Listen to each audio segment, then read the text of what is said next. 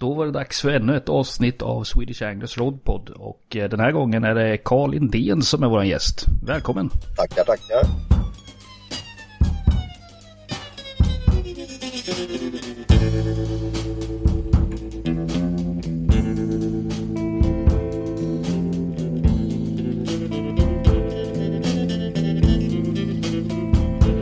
I've had enough of your bullshit to last me a lifetime.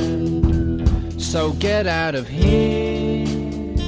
I don't wanna see you around. Ja, vi eh, ska väl försöka snacka lite ja, allt möjligt som vanligt höll jag på att säga här men eh, vi börjar väl i alla fall diskutera lite kring eh, Färnan som vi vet är en, eh, en av dina favoritarter i alla fall. Ja, det är det ju. Absolut, det har blivit det om inte annat. Eh, tack för att jag får vara med för övrigt, det glömde jag säga. Det är mycket trevligt. Eh, Fannan är ju en, en året runt-fisk har blivit för mig. Som man kan fiska i substitut på vintern för andra arter till exempel. Eller bara för att det är roligt också på vintern. Men det är en eh, väldigt eh, allround-fisk som man kan ha goda stunder med.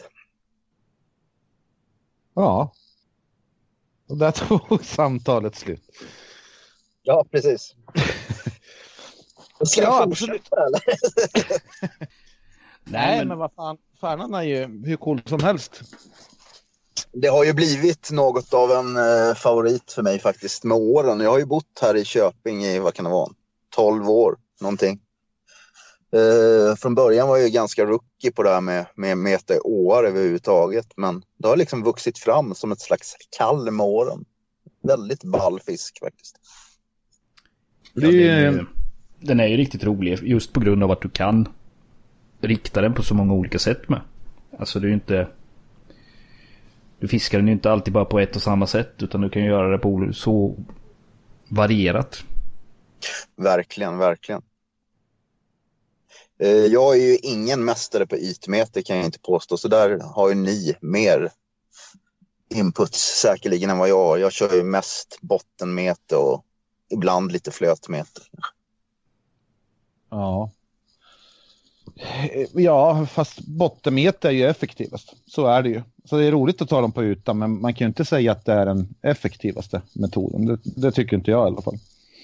Nej, men vad jag, alltså, jag har ju sett på era fångster, ni tar ju mycket, väldigt mycket stor fisk på ytan. Alltså, jag tror man kan selektera ut stor fisk på ett annat sätt på ytan däremot. Ja, ja. Det är Krille som, är, som har tagit de stora på ytan. Ja, men du har ju ändå fått några skapliga när jag har varit med dig och sådär. Liksom. Eh, ja, jo alltså. Nej fast jag har faktiskt varit med flera stycken som har fått stora på ytan så... eh, Så det är ju en, en, en effektiv metod för att, att få stor färna, uppenbarligen. Eh, Mm. Sen är det väl alltid kanske inte på något sätt lättare bara för det. Nej, nej, det, det förstår ju jag med. Det, många gånger skyggar de ju ordentligt mycket liksom. Ja, fast en jävligt effektivt sätt att, eh, om man tänker liksom någon omvänd mäskning eller någonting, att man slänger ut lite brödbitar och sen kan man ju lokalisera fisken och sen, Absolut. Så brukar jag ju också göra väldigt, väldigt ofta. Även om jag Mm. kanske inte alltid utmetar då så, så brukar jag slänga ut ett par brödbitar. För of, ofta även när det är kallt i vattnet här uppe så kan de faktiskt gå upp och klippa i ytan, brödbitarna. mm. Ja, alltså, jag Jag har ju haft stigande fisk i december. Liksom. Det är klart det går. Men jag, jag vet inte när man skulle säga att det börjar bli hett med utfiske här. Det är väl kanske sista halvan av maj eller någonting sånt där. Alltså det är relativt sent. Nej, jag, jag håller inte med dig där. Alltså. Jag vet att du har sagt det tidigare i någon podd jag har hört att det, det är väldigt sent. Men jag skulle nog säga att eh, vi ligger nog i paritet med de södra åarna. Vad fan, jag har inte lyckats. Jag har kanske fel bröd eller någonting. Jag vet inte fan. Jag tycker att det... Ja, där innan lek någonting brukar jag börja få bra utfiske. Visst, visst går de upp och plockar bröd lite då och då, men det är inga så här... Pangfiske har jag aldrig haft tidigt på säsongen. Nej, men alltså, du får tänka också på att Färnan har en sjukt utdragen lekperiod här i våra år. Alltså, det kan vara från början av maj till slutet av juni ibland. Liksom. Ja, vi hittade ju lekfisk någon gång. Ja, det var i slutet av juni eller så. Ja, jag vet. Det kan vara jätteutspritt alltså. Men kan det inte vara att de leker två gånger då? Jo, det kanske det kan vara. Jag vet inte hur de Jag, brukar göra. får, jag, jag läste det någonstans om det var i någon eh, engelskt. Att de eh, trodde att de lekte ju två gånger. Det var... Och, och det, kan, Ja. det kan ju faktiskt stämma in med ibland just att man får dem på så långa sträckor om man ska säga. Det kan ju vara från april till, till juni. Men det kan ju lika gärna vara att de leker två gånger då. Ja, men det skulle det kunna vara, absolut. Men det är också är ju- rätt, rätt märkligt att liksom karparna, visst de kan ju skenleka och så vidare, men jag vet inte, färnan skenleker de en gång då? Ja. Eller hur? Ja, det, det, det vet jag faktiskt ingenting om. Jag bara kommer ihåg någonstans Nej, bakhuvudet att jag läste det där. Jag vill inte ha någonting sånt bakom. Nej, jag skojar. Däremot så kan det ju vara, eftersom våra år de är ju relativt långa, att det kan eh, komma kallt vatten som... Det kan ju regna någonstans långt åt helvete upp och sen droppar ju. vattentemperaturen 3-4 grader. Så då, då kan det ju ta en vecka innan det. Om vi Så kan det ju med vara såklart. Som är, ja, norr om Fagersta börjar ju den liksom. Det är ju, nu snart uppe i Dalarna liksom. Mm. Där har den sina källflöden. Så rinner det hela vägen ner till Mälaren liksom.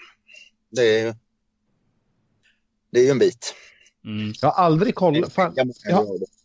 jag har alltid tänkt på att köpa en sån här termometer som man kan följa vattentemperaturen lite grann. Men det har liksom aldrig blivit av.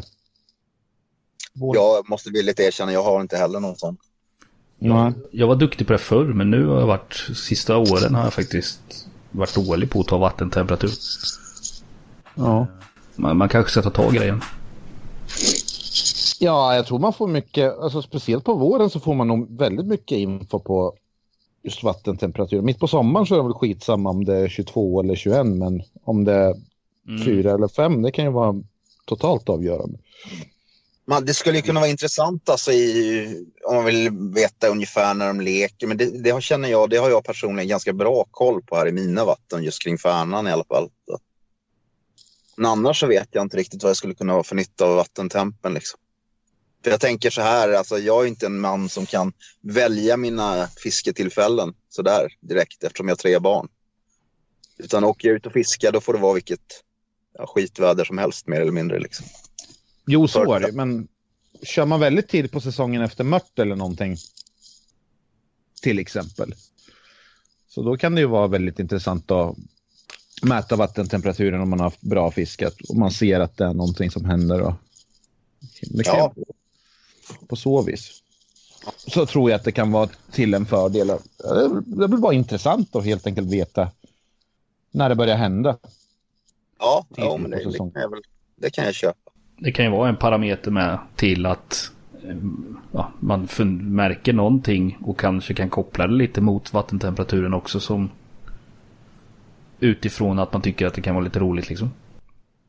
Ja, men det måste väl vara deras eh, alltså temperatur. Det är ju vattentemperaturen som, som styr lek och ätande och massor med grejer. Så att om det är varmt eller kallt ute så det, det kanske inte är alls lika viktigt som om det kommer in kallt vatten i någon flod eller å eller någonting. Nej, alltså jag har ju läst och eh, kollat väldigt mycket på engelsk eh, för Anna både litteratur och på Youtube och så vidare. Och de är ju av den hävden att eh, kallras är otroligt ruttet liksom för, för färnafiske som det är för de flesta arter. Liksom. Men även om de säger att färnan den tål kyla och den är året runt fisk, men just den där första riktigt kalla perioden, om det har varit varmt, som nu om det skulle bli minusgrader i natt till exempel så är det kanske inte dunderhett att åka ut imorgon och mäta färna. Liksom. Nej. Nej, för man tänker på det där. Nu har det ju varit, vad fan var det idag, 9 plus eller någonting. Ja, Att det borde ju kunna spegla av sig lite i, i ja, kanske inte vattentemperaturen. Det är inte så att den stiger tre grader bara för att den är 9 Nej, plus. men jag Men, tror när, när det är så kallt som det är nu så kan en par tiondelar kan göra stor, stor skillnad. Alltså. ja, men så är det ju. Sen är det vatten som rinner från åkrarna och sånt där. Den värms ju upp mycket bättre än den som redan finns i ån. Så är det. Hade det däremot varit tjäle i marken så hade det varit precis tvärtom. Mm. Så det, Det finns my- mycket teorier kring det där, men Ja. jag vet inte.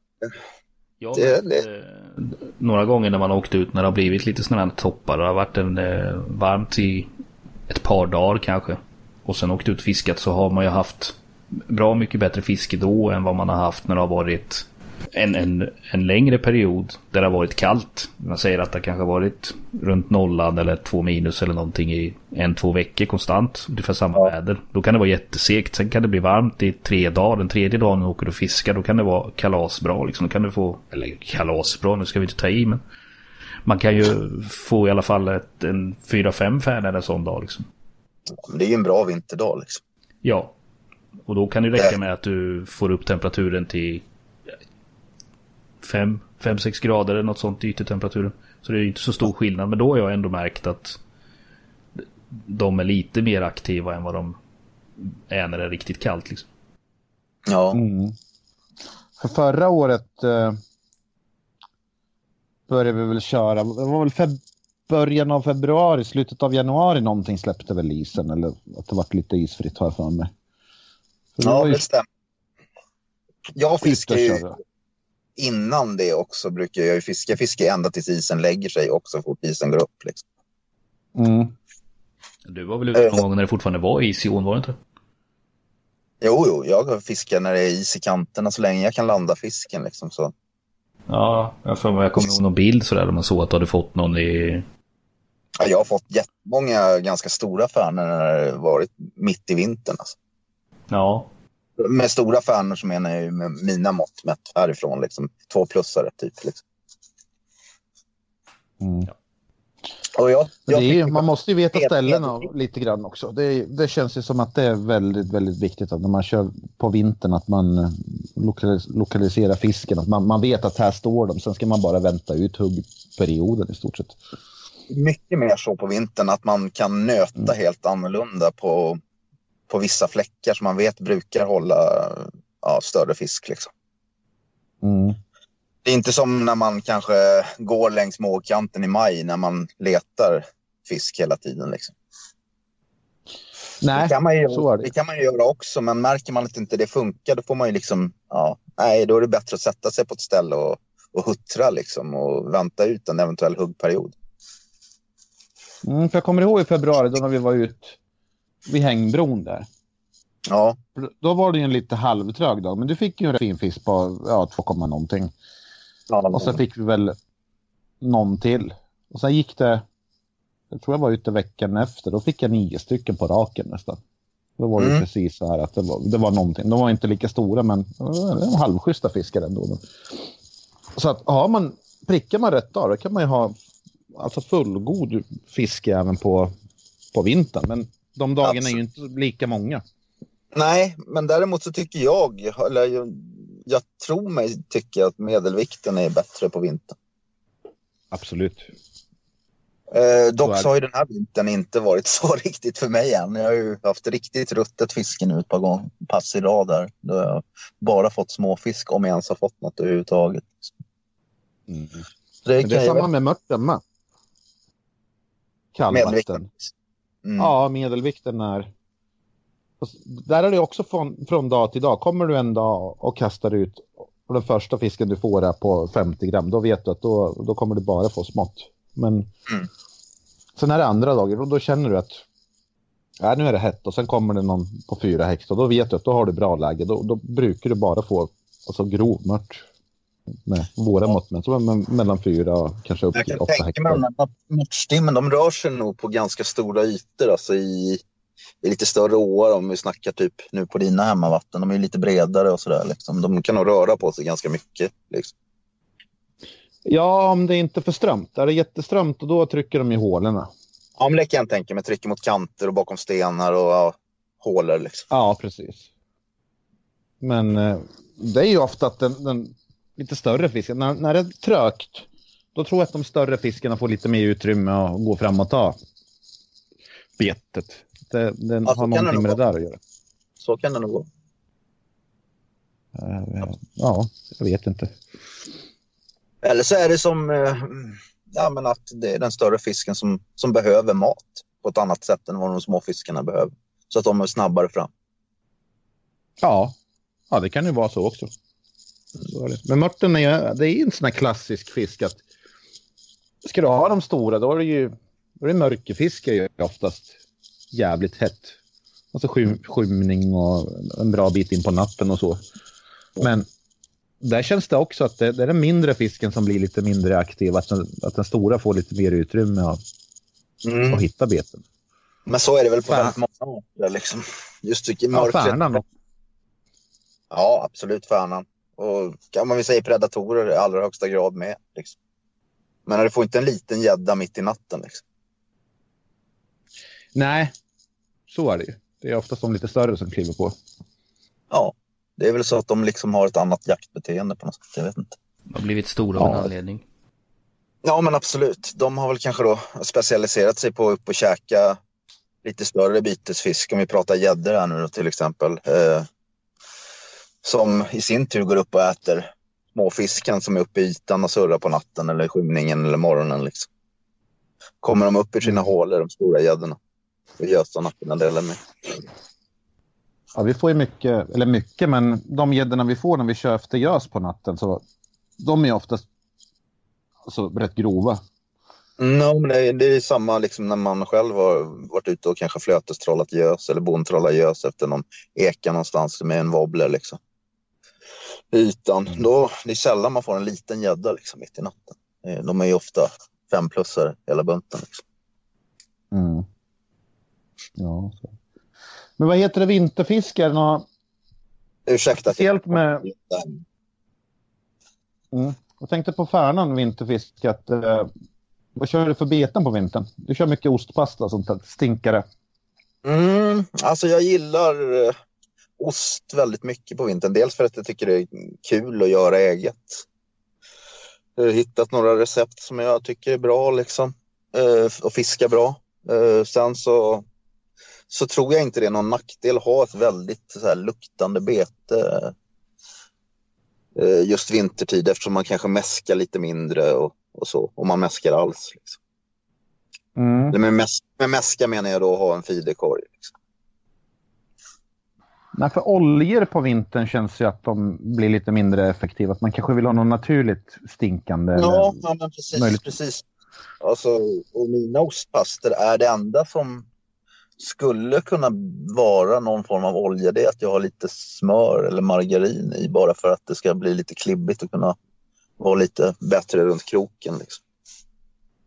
Mm. Ja, vit, vitlöken när man pressar den kan väl bli lite olja också men det tror jag att det, det försvinner nog i, i resten där. Mm. Lite av margarinet är ju bra med för det gör ju att den stelnar lite i det kalla vattnet. Ja men precis, man får en city bättre runt. Ja. Absolut, det blir inte bara en sörja som man kan fiska längre med samma ostpastabit. Liksom. Och sen anledningen också till att jag kanske väljer det framför bröd många gånger är ju att man kanske nöter lite längre innan man kastar om och så vidare. Det sitter kvar längre helt enkelt. Man vet att man fiskar med ett bete som, som är där. Men jag fiskar Ja, med det räka. På, lurigt på så vis. jag fiskar ju med räka på vintern också. Alla säger att det funkar inte och så vidare. Men det, det gör det visst. Det funkar hur bra som helst. Ja, det kan jag skriva under på. Det funkar. Och jag kör ju... ju enkel att boosta med någon kryddor och grejer också om man vill ha Det lite. kan man också göra om man vill göra det. Men du fiskar ju ofta med skalade räkor. Jag kör ju aldrig skalade räkor istället. Liksom. Ja, men vad fan, man vill väl vara lite schysst. Ja, precis. Ja, men alltså det, det, det, det, matsmältningen. det, det är intressant att båda funkar ju lika bra. Liksom.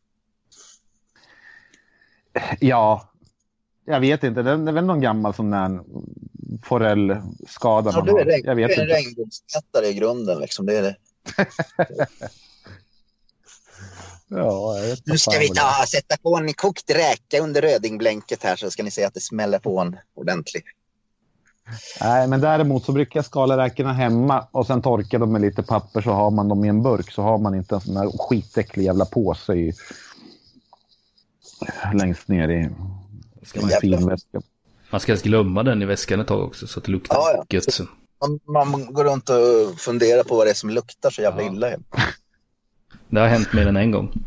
spelar ingen roll hur många gånger du byter kalsonger liksom. Det, nej, det hjälper inte. Den, den kan bita ordentligt.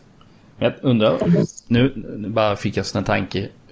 Kanske någon som har provat. Fiskbit. På vintern. Ja, ja. på vintern vi har jag aldrig testat. Jag har Nej. fått fan flera gånger när jag metar ål på sommaren däremot. Ja, det har jag med fått eh, på eh, en halv mört eller något liknande. Men jag tänker typ någon... Eh, vad, vad kan man ha? Makrill eller något liknande. Det är ju rätt så Stinkande liksom. stinkande. Undrar om det hade funkat en liten bit av det.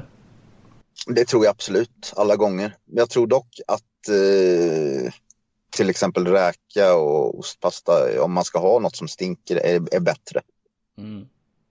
faktiskt. Men det funkar skulle det säkert göra. Kan ingen prova och sen höra av sig? Nej, men kan man, eh, kan man veta vart fiskarna står så då, då vore det väl lite intressant att testa. Men jag tror inte att man får så mycket utav... Ja, det är klart om du får 18 stycken på makrill och noll på räka så kan man väl dra någon slutsats där att det är effektivt. Men ofta är det ju så att du kastar och kastar och byter och sen helt plötsligt så bestämmer sig färnorna för att käka. Då spelar det ingen roll vad du har. Det är som ursjön med rydan. Eh, tar de inte så det spelar ingen roll vad du har. Nej, När de väl, väl tar så spelar det ingen roll vad du har. Nej, absolut. Men om vi återgår till det här med beten på vintern då. Det, det som jag har som motpol och som säkert många har, det är ju det klassiska att man har bröd istället då när det kanske är jätte, jättekallt och klart i vattnet. Liksom. Då kanske man använder bröd. Liksom. Och Mm. jag upplever ju att det, det funkar ju väldigt bra under de förhållandena generellt. Så funkar det ju bättre än, än alltså, ja, ostpasta och räkor som kanske är bättre när det är grumligt då, eller, eller om man kör ett nötfiske. Mm. Så tycker jag i alla fall.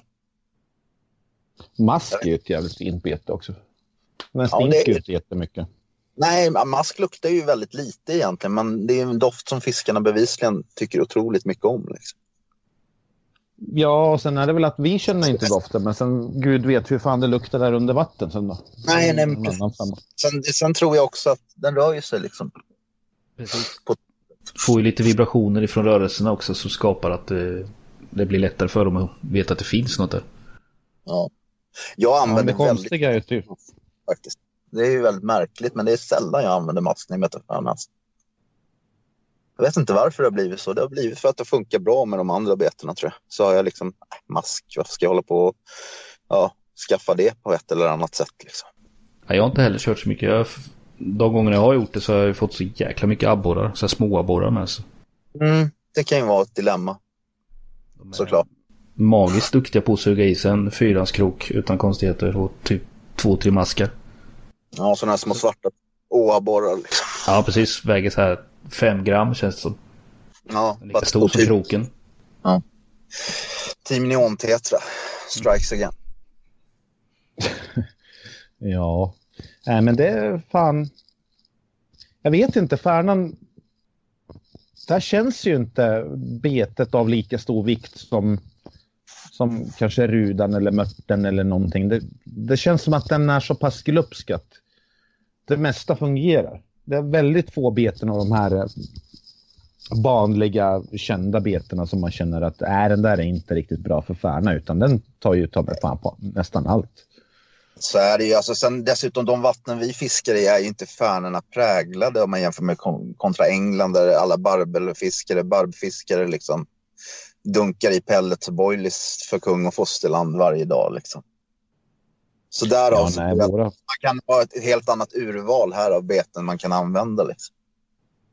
Mm. Och då tar man ju det som är Ja, men det man tycker smidigast nästan. Ja, smidigt tycker funkar. Man går ju på gammal rutin ofta där. Liksom. Ja. Men det är ju Jag ska- brödräkor. Det är ju det är där man börjar med. Liksom. Bröd för utfisket eller möjligtvis bottenmeter. Så har man ju räkor med sig. Sen, Ja. Många tycker att räkor är skitdåligt. Alltså. Jag vet inte, men här funkar det jättebra. Ja.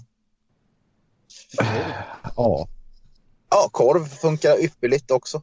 Det har jag fiskat jättemycket med, men jag har frångått det lite för att jag tycker att det är svårt att hitta korv som... Alltså vissa flyter, ja men du vet och sådär. Ja, de beter sig ju lite... lite udda ibland. Eh, Ja. Helt klart beroende på vad man lyckas få tag för något. Men kollar man till exempel Emån. Där är det ju, nu kanske det inte är riktigt lika så, men innan var det ju jättemycket eh, korv där. Man skulle köra med korv. Och kollar man mot Svartån, där var det ju ost ett tag som gällde liksom. Eh, Men tror du att det- för att några stycken som mäter otroligt mycket fan har fått bra på det? Då? Absolut, visst är det så. Alltså visar du resultat och att du har fått det på ost och du kan säga att det finns tre olika personer har fått tre stora färnor och alla har kommit på ost. Då ska alla fiska med ost och då är det klart att det kommer upp fiskar på ost. Ja, men så är det ju. Självt. Ja. Ja. Skulle du prova med räka så hade du garanterat kunnat få en stor fisk på det också. Bara du fiskade den stora fisken är. Ja, men exakt. Jag tror lite så. Alltså, ofta drar man lite för stora växlar kring. Men sen är det väldigt roligt att försöka hitta på egna teorier och varför det är si och så. Men, Ja men det måste man ju ha annars blir man ju dum i huvudet. ja, men alltså, Man kan- måste, man måste ha driv liksom. Det känner jag med. Så. Man kan ju inte acceptera att man är värdelös. Nej, att, att man bara sitter och drar en jävla tombola-stånd liksom. Det, Nej, nej det, det går ju inte att hålla på med. nej, nej. Nej, sen är det väl om man har lång... man har ju fått många lång... färnor för, att- för att man är duktig på att fiska liksom. Det är ju så. Oh ja. Nej, men kör man långa, långa utlägg då, då känner jag att man vill ha något, något bete som man litar på att den sitter där. Alltså rä- räka, om du inte har haft ett pet på så då, då vet du att den sitter där. Och Så är det ju. masken, ja, där börjar det ju bli lite. Och bröd, det kan ju lossna av sig självt. Då. Ost kan så också att- ibland om du dänger på för hårt och kanske inte har hittat riktigt rätt konsistens på, på den pastan du har gjort. Liksom. Det kan också vara förödande. Liksom. Kan du fiska i ett helt utlägg utan bete på kroken och det är inte så roligt alla gånger. Nej, det är faktiskt Nej. aldrig roligt. Nej, det är jävligt surt alltså. Ja. Nej, det är ju helt och hållet, alltså kollar man korv och eh, vanlig, eh, vanlig ost, eller man ska säga hårdost, så eh, den kan ju också bli lite tråkig. Mm. Eh, Just hårdost har jag ju kört några längre med där det har visat sig att det inte funnits en liten tillstymmelse till ost kvar. Och, Ja. men eh, har man tur så ser man ju ofta att den flyger av när den landar i vattnet eller så. ja, jo, men så kan det ju vara. Så är det ju ofta med ostpastan också, att man ser när den dammar av. Men den, den sipprar ju ofta... Ja, den, den blir ju, det blir ju mindre och mindre pasta kvar på kroken också, även när den ligger i vattnet. Och den vittrar ju sönder på ett helt annat sätt än vad... Ja, ja En den, den lös, löser ju upp sig, det gör ju inte de andra. Ja, men exakt. Det var det ordet jag var ute Men är det någon, någon som har testat mjukost, alltså inte mjukost i tub på, rakt på kroken, men alltså bl- blanda med någon bröd eller någonting. För där har du ju, du har ju räkost och raketost och ja, alla möjliga jävla dofter. Nej. Nej, det vore ju jävligt Typ smidigt en att bara blanda ihop med brödsmulor och mjukost och någonting. Ja, en deg, eh, av något slag. Ja, Mm. Ja, då, då, då tycker jag det är bättre att köra riktigt eh, all the way. Alltså att man tar mögelost eh, och vitlök och bara blandar med bröd. Det är hundra gånger bättre tycker jag personligen. ja, om man vill vara den doften så då, då är det ju givetvis. Men däremot vill, vill, man, vill man ha en lite mjukare doft, då kanske, ja, då kanske det är bättre med baconost. Liksom. Ja, eller Philadelphia paprika. och eh, vad heter? Gula örter eller någonting. Ja, ja. Köp en av varje och bara mosa i. Oändliga varianter. cocktail. Du skulle köra din Windaloo på dina beten så skulle det säkert det vara superbra också. De, Jo, men nu har jag lyckats så bra utan så att det har jag inte haft någon anledning. Det är när det krisar då tar jag fram den tuben. tar du fram den, blå- den blåa tuben. Ja, den blåa tuben. Nej, men i år, Kalle, fan, vi ska... Nu ska vi lyckas riktigt jävla bra. Med fanan menar här. Ja, men du och jag har ju snackat mycket nu på, på sistone att vi ska köra lite mer riktat. Vi har ju några, några sträckor här som vi tror stenhårt på. Snacka Jo, lite men- mäskningsstrategier och sånt där också. Absolut, någonstans har man ju med åren lärt sig de här vattnen och ungefär vart eh, de stora fiskarna brukar bo. Liksom. Mm. Och lägger man kanske stenhårt mycket tid på lite mer svårfiskade sådana storförneställen och kanske mäskar och så vidare. Så tror jag att eh, det kan kanske dyka upp något överraskningsexemplar. Sådär. Det är nog inte omöjligt. Nej, det tror jag med. Att man, ska, man ska nog ju... Som den här sträckan som vi testade förra året. Vi fick ju tre färner Mm. på tre resor. Och alla var ju grova. Ja, ja, visst. Så det är en Ja, så är det. sträcka som jag känner, känner att man måste... He- helt klart. Det, det Jag finns mycket potential. Ja. Men vi har ju mycket färna. Ja, vi har otroligt som stora mängder färna och ofta kanske man blir lite förblindad liksom och att ja, men man vill få fisk hela tiden och nappar inte här så då drar man vidare till nästa, ja, vad det nu är, träd eller liknande liksom. Men kör du en hel dag, då är ju tio färnor... Tio färnor, det är ju dåligt på en hel dag. Alltså under en bra tid. Då ska det ju helst vara... Fisk- Fiskar man maj, maj, början av juni så är väl det skulle jag säga, det är väl en, en normal dag. Liksom. Ja, om man kör efter lite större fisk. Men alltså vill du få Ja. fisk så kan du få hur mycket som helst. Ja, Så kan det ju vara. Alltså, du, kan ju stä- du kan ju vara i en lekström då liksom, och bara häva fisk. Det är inget svårt. Liksom. Nej, alltså, jag tycker att de finns överallt. Men det är, det är just när du riktat kör efter, efter lite större fisk, då, då får du inte lika mycket. Men vi får fortfarande, tror jag, fler fiskar än om du skulle köra söderut. För att där pratar det- man ju med folk. Absolut. Bara, fan, fick du tio? Vad fan, det är ju skitmånga. Nej, jag var lite halvtrög då, säger man så. Mm. Nej, vi Ja, brukar är få väl- tre eller fyra. Ja, men man är öppen så liksom. Mm. Det sen är är ju- inte ofta sen- man får mer än fem här. Nej, Nej. fast de är nog lite större sen också. Ja, Ja, så är det.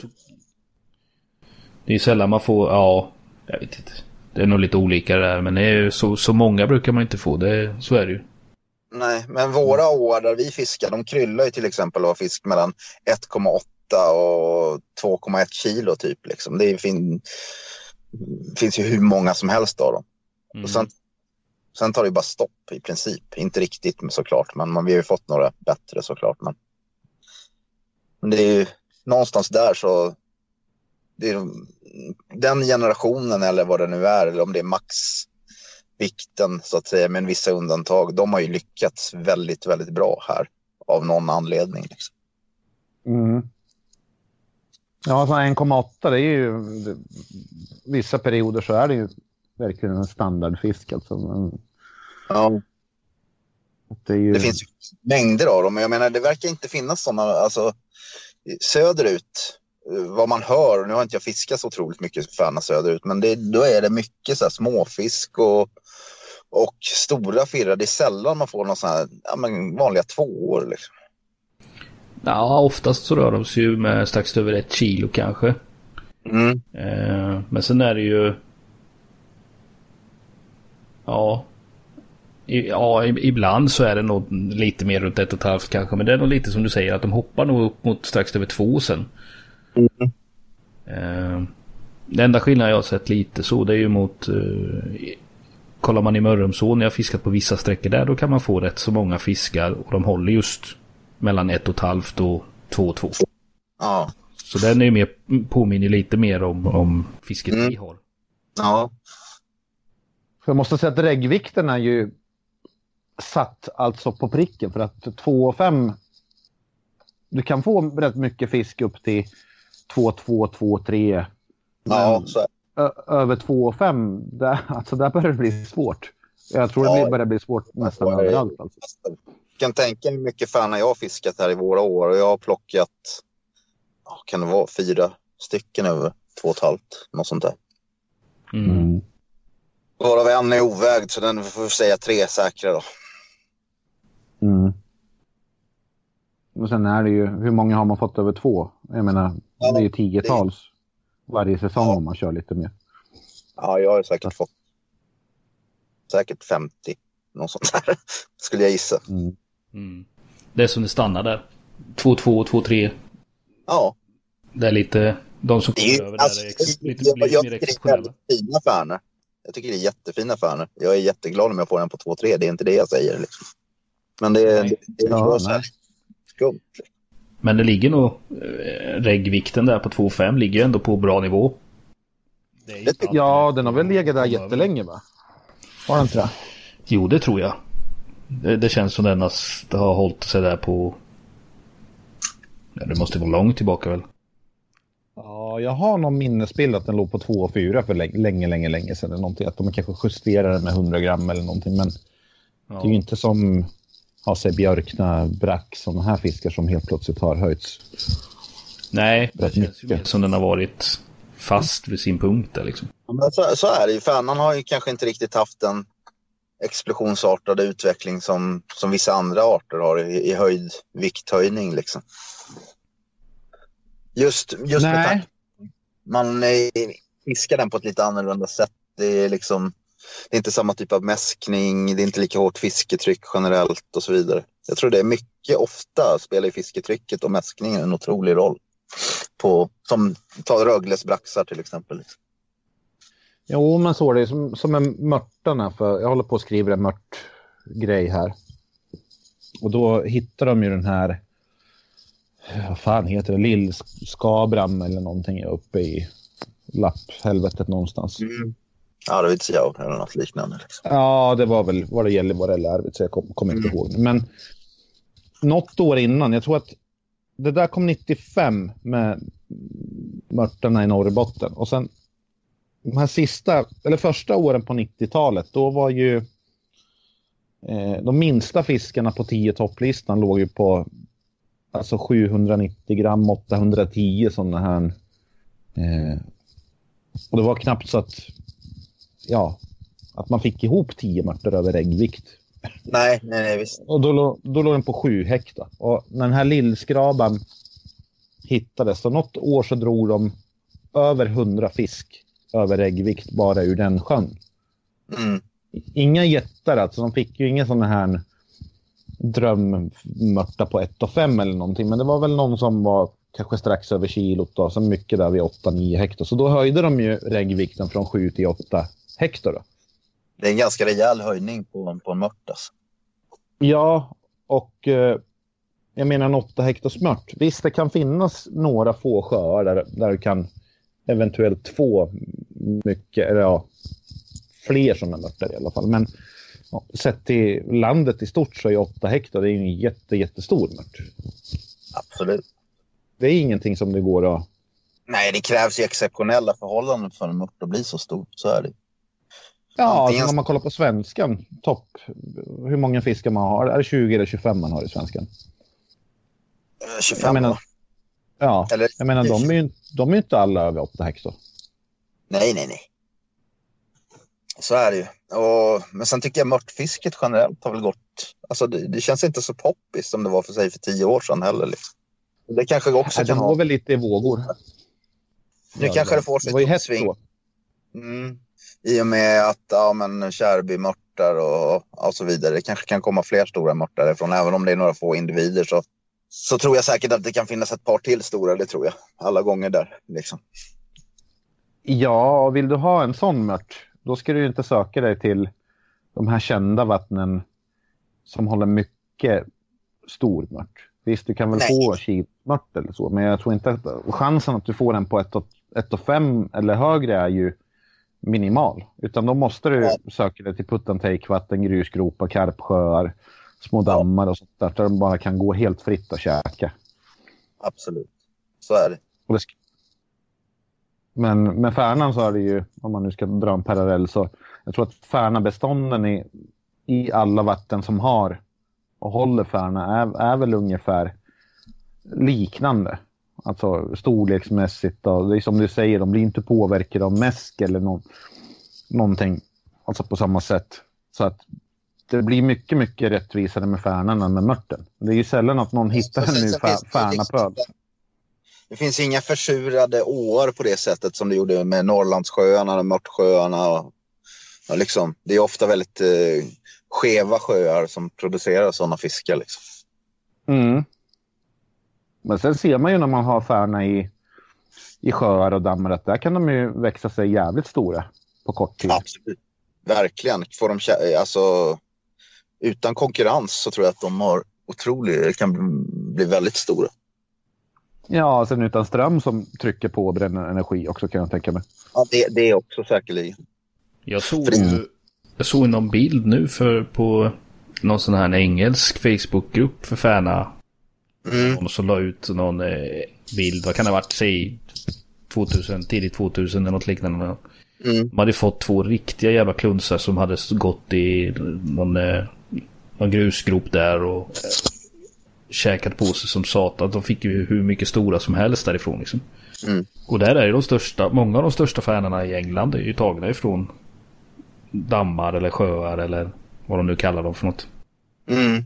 Precis. Ja, men jag är ju också Godkänns de som rekord då? Mycket bra fråga, jag har inte en aning. Faktiskt. Jag vet, hur de, jag, vet, hur de eller, ställer sig till jag, det. jag, jag tror väl att eh, rekordet, nuvarande engelska rekordet, det är taget i en å i alla fall. Sen om det har tagit större fisk än så i sjöar, det vågar jag inte svara på. Nej, jag Nej, för jag tänkte att det måste vara flyttad fisk så att det blir ju lite snedvridet om man ska godkänna rekord. För då kommer ju folk tycka att ja, men då flyttar vi alla möjliga arter hit och dit. Och... Mm. Jo, Jag vet inte om detta var något vatten som låg i närheten av något åsystem så att det hade kommit in vid översvämning eller något liknande. Men eh, Det är ju möjligt också men det blir ju ändå Rent teoretiskt så borde det inte vara godkänt menar eftersom det inte är där de är från första början. nej det är ingen naturlig fisk så liksom. Nej, men det är, det är samtidigt i tjusningen med färna och mört att de, de är ju så pass vilda de här fiskarna av väldigt ja, opåverkade av, av människan att det har ju sin charm.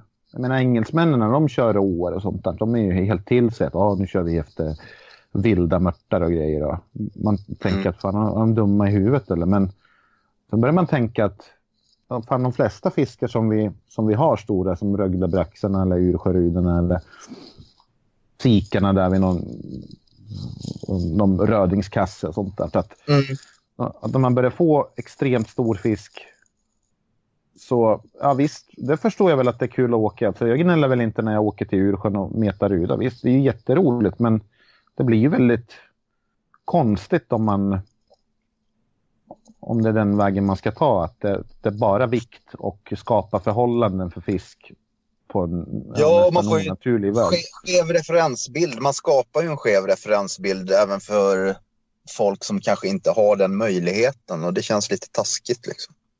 Tycker jag. Ja, och sen just det här att bilden av vad en stor fisk egentligen är flyttas ju hela tiden. Alltså skulle man börja få 10 kilos braxnar eller 4 kilos rudor, och då tycker man ju att en fisk som är hälften är ju inte stor nog. Även Nej. fast den... En två En kilos, en två kilos ruda kommer ju alltid, tror jag, vara en stor fisk dock. Alltså, I Ursjön kanske det inte är en, det är ju ingen drömfisk i Ursjön alls, men det är ändå det är en stor ruda liksom. Mm. Det, det, det tror jag ändå att man får skriva under på. Ja, ja, absolut så är det ju. Men det känns ju lite motigt att fiska efter rudor som väger ett och ett, ett och två när man vet att man kan åka till något annat ställe där de väger det dubbla. Ja, jo det- absolut. det- Det, där- därför tycker jag det är väldigt intressant med den här tävlingen som ni håller på att ta fram här nu. Eh, Ja, det är tanken med det hela. Ja, att man kanske går tillbaka lite back to basics till vad specimenmeter egentligen, vad tanken var från början. Vad jag tror tanken var i alla fall. Att man skulle försöka plocka stora arter för sjöar eller åar i sig. Liksom. För vad, vad man fiskar. Liksom. Mm. För mig är ju det ordet specimen, det är ju det är en, en, en som är stor för sin art i det vatten du fiskar. Lite Ja, så. men precis. Så är det ju. Sen en specimen, visst, en specimen landsvis, det kanske inte är samma sak. Men... Nej, alltså fiskar du efter poäng så blir det ju... Jag menar, det är skillnad på vissa jagar efter äggor, vissa jagar efter vikt och äh, andra jagar efter poäng då. Ja, alltså, Allt jag, jag, ju- jag, jag tycker man ska få fiska precis som man vill själv om man tycker det är roligt. Men det är bra att det kommer flera alternativ till den här Ja, men lite så här put and take-hysteri kan jag känna med typ Dalälven, Rögle. Lite, jag får lite de vibbarna. Liksom. Sen kan jag tycka att det är skitkul. Jag vill alltid få stor fisk. Liksom. Det säger jag ingenting om. Men en stor fisk kan även vara en mindre fisk satt i sitt sammanhang. Om ni förstår. Mm. Ja, givetvis. Men om, om man gillar att tävla så kan det ju vara skönt att tävla i en tävling där man inte behöver resa så långt och inte behöver resa till samma vatten som alla andra reser till. Att du kanske kan göra din satsning och få en mört på 8 hektar istället mm. för att åka någonstans där den ska väga Alltså förstår du, du jagar ju fortfarande efter poäng, men du jagar inte efter samma poäng som, som till svenskan till exempel. Nej, nej, och det är jättebra att det finns ett alternativ. Liksom. För jag tror att mm. det finns säkert jättemånga som är väldigt duktiga metare här ute i Sverige som ja, men de kanske inte känner för eller av en eller annan anledning inte vill vara med i den här, den eh, riktiga hetsen som kan vara kring vissa vatten. Liksom. De kan, då kan ju de kanske söka sig ja, bredda metet så lite, liksom, tänker jag. Ja, och sen få synas. Jag menar, det finns säkert skitduktiga metare uppe i... Alltså jag vet att det finns skitduktiga metare uppe i Umeå. Verkligen, verkligen, verkligen. Men ska de behöva åka till Rögle för att få poäng i Brax eller? Alltså, du, du, du är helt... Du är tvungen att resa om du ska hävda dig i, i specimen Men så är det, Sverige. absolut. Så är det. Ja, och sen och sen får du samma fiskar som alla andra fiskar efter i samma sjöar. Och det känns ju som att eh, det vore ju bättre för metet ifall man kunde fånga någonting på hemmaplan som man kan visa upp i, i Mete-Sverige. Att det, att det händer saker på olika orter och det finns ett ja. hyfsat fiske efter, kanske inte 8 kilos braxar eller 3 kilos rydor eller, men schyssta fiskar som alltså inte får någon publicitet eller? Absolut. Jag tror ju alltså, jag har ju lyssnat lite på era poddar innan sådär och alltså arter som sutare kan jag tänka mig. Det finns många vatten som håller tre kilo sutare liksom. Uh, ruda tror jag också är ett sånt, sån art som jag tror finns många, många vatten som håller okej okay ruder, stora ruder liksom.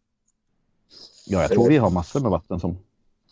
Jag, jag, jag kan ju redan nu här, bara där jag bor, kan ju jag säkerligen peka ut fem vatten som har jättebra potential. Liksom. Mm. Så ja, vi har ju testat några. Ja. Det är ju det som är lite roligt med den här tävlingen. Det är då man kan känna att man kan bli lite sporrad kanske att åka och testa i de vattnen istället för ja, att nej, jag tar det ur sjön igen i alla fall. Eller att man bara lägger en kväll och så kanske man får en ruda på sig ett och två. Det var, det var väl sådär liksom. Ja. Mm. Här blir det ju, blir ju förhoppningsvis så blir det ju lite inspirerande till att leta nya vatten och testa nya vatten och göra de här lite halvgalna satsningarna som man kanske inte hade gjort annars. Nej, nej, visst. Så är det. Nej, sen fiskar man mycket mot sig själv. Vi var ju med i kuppen förra året och vi gick med i kuppen i år med. Och jag, jag tyckte det var roligt att, att bara testa vad man kan få på hemmaplan lite grann. Jag vet ja, ju det... att det är, inga, det är inga fiskar som ger poäng i svenskan, men jag får, ju, jag får ju poäng i alla fall. Jag har ett syfte med, med mitt meta, att jag kan... Alltså syftet ja, med meta ska ju inte alltid vara att tävla, men, men, men för mig så var det ett syfte. Ja, men du får ett, lägga upp en plan och du får känna ett litet driv, att du kommer framåt och kanske känna med och motgångar och allt det där. Liksom. Det, det är viktigt ändå kan vara. Liksom. Det kan ju även pusha en att komma ut. Det kan det absolut göra ja. om man känner en eh, bister novemberdag att det kanske inte är, jag kanske inte vill åka ner och meta mört här i Eskilstunaån egentligen men fan det är ju rätt hett mört väder alltså. Sådär, om vi drar. Så. Eller ja, du då?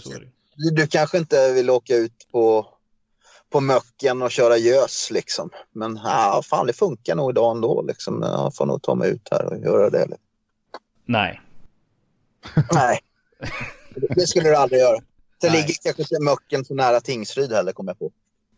Det är en bit. Jag har ju, ja, det är en bit ifrån, men eh, det finns några andra vatten ja. närmare. Ja, som håller gös. Jo, det gör det såklart. Om man hade velat. Ja. Jo, men jag känner ju som... Du kör inga, du kör bara meter rakt av nu alltså? Ja, ja. Ja. Ja, jag har nog inte rört något spinnfiske på fem sex år. Ja, det märks. Mm. Nej, jag skojar. Nej, jag skojar. Jag skojar. Nej, jag, jag har fått... Jag fick välja lite alltså vad jag ska hinna med och vad jag tycker är roligt och då... Då, då vart det meter. Jag, kan säga, jag har varit i exakt samma situation och har valt exakt samma sak som dig. Jag metar i princip bara idag också. Från att ha gjort allt inom fiske liksom, till att välja bara meta. Det, allt handlar om prioriteringar. Så om fem år kanske det ser helt annorlunda ut, det vet man inte. Nej, nej, precis. Då kan det ju vara något annat. Men eh, så, som, som livssituationen är nu och man ska komma ut på någonting som man tycker är roligt att fiska, då har det blivit mete liksom. Ja, ja men det, det, det tycker jag är ett sunt val faktiskt. Ja, Förra året var det... Ja, förra året var första året någonsin jag inte fick en endaste gädda. Om inte jag fått någon slumpgädda när jag fiskade färna eller någonting. Men jag, jag, kan inte minnas. Jag tänkte så här, för att, undrar vad största gäddan vägde. Fan, jag fick ju ingen. Det måste ju vara helt jävla unikt. Fick du inte ens någon på någon invevad fidekorg eller på något karptackel invevat eller något sånt där? Nej, jag tror inte det. Jag minns inte. Kan vara att jag fått den någonstans eller någon när jag giggar lite gös. Men nej, jag så på rak arm så minns jag inte. Så det är väl nej. något att vara stolt över i alla fall. Det där kan jag, jag nog backa till 2018. Då hade jag ett sånt år. Mm. Då, då tror jag inte heller att jag fick en enda gädda. Jag försökte, men jag fick ens ingen. Då, då, så då det är riktigt illa. dåligt liksom. Ja, det är fan riktigt ruttet alltså. Ja, ja visst. Ja. Katastrof. Ja. Satt du med dina inoljade makrillar och frös då eller? Jag kommer faktiskt inte ihåg. Nej, jag, kör, jag körde ismete faktiskt. Det är ännu värre. Det är straff. Två, två pass ismete. Jag tror jag blankade båda. Ja, rätt Inte ens Jag satt i någon regnbågspöl i, och glodde. Det hände ingenting. Känns rätt dumt att misslyckas. Faktiskt. Mm. Låt mig gissa, du körde med död makrill som bete? Eh, nej. Nej. Nej. Ah, Okej, okay. vi, vi lämnar hade... det där. Ja. ja. Men vad heter det, du bodde i Stockholm va? Eller du är väl född i Stockholm? Ja, eller någonting. Det alltså, låter ju som en stockholmare. Ja, jag är född i Stockholm. Eh, men egentligen så är jag uppvuxen i Kalmar. Jag har bott eh, från att jag var Uh, väldigt liten tills att jag eh, flyttade hemifrån och något år hemma till hemma i Kalmar. Sen flyttade jag till Stockholm där jag bott länge. Och sen mm. flyttade, hamnade jag här i Köping av jobbanledningar och så blev jag kvar och skaffade familj här. Så jag, jag hoppar runt lite liksom. En annan del av Köping. Mm jag har fiskat väldigt mycket olika typer av fiske beroende på var man har bott. Liksom när man bott på ostkusten, då, självklart så var det mycket så gädda, abborre, öring liksom, när man växte upp. Metar du något i Stockholm då? Mm, ja, det var väl där egentligen jag började mitt riktigt seriösa uh, mete. Så. Uh, träffade en kille som heter Viktor Hallensjö som är väldigt uh, välkänd för de flesta specimenmätare i Sverige. Vi började mm. umgås lite, eller mycket. Och han tog med mig mycket ut och meta. Jag tog med han ut lite på lite spinnfiske och sådär. Hade jävligt kul ihop.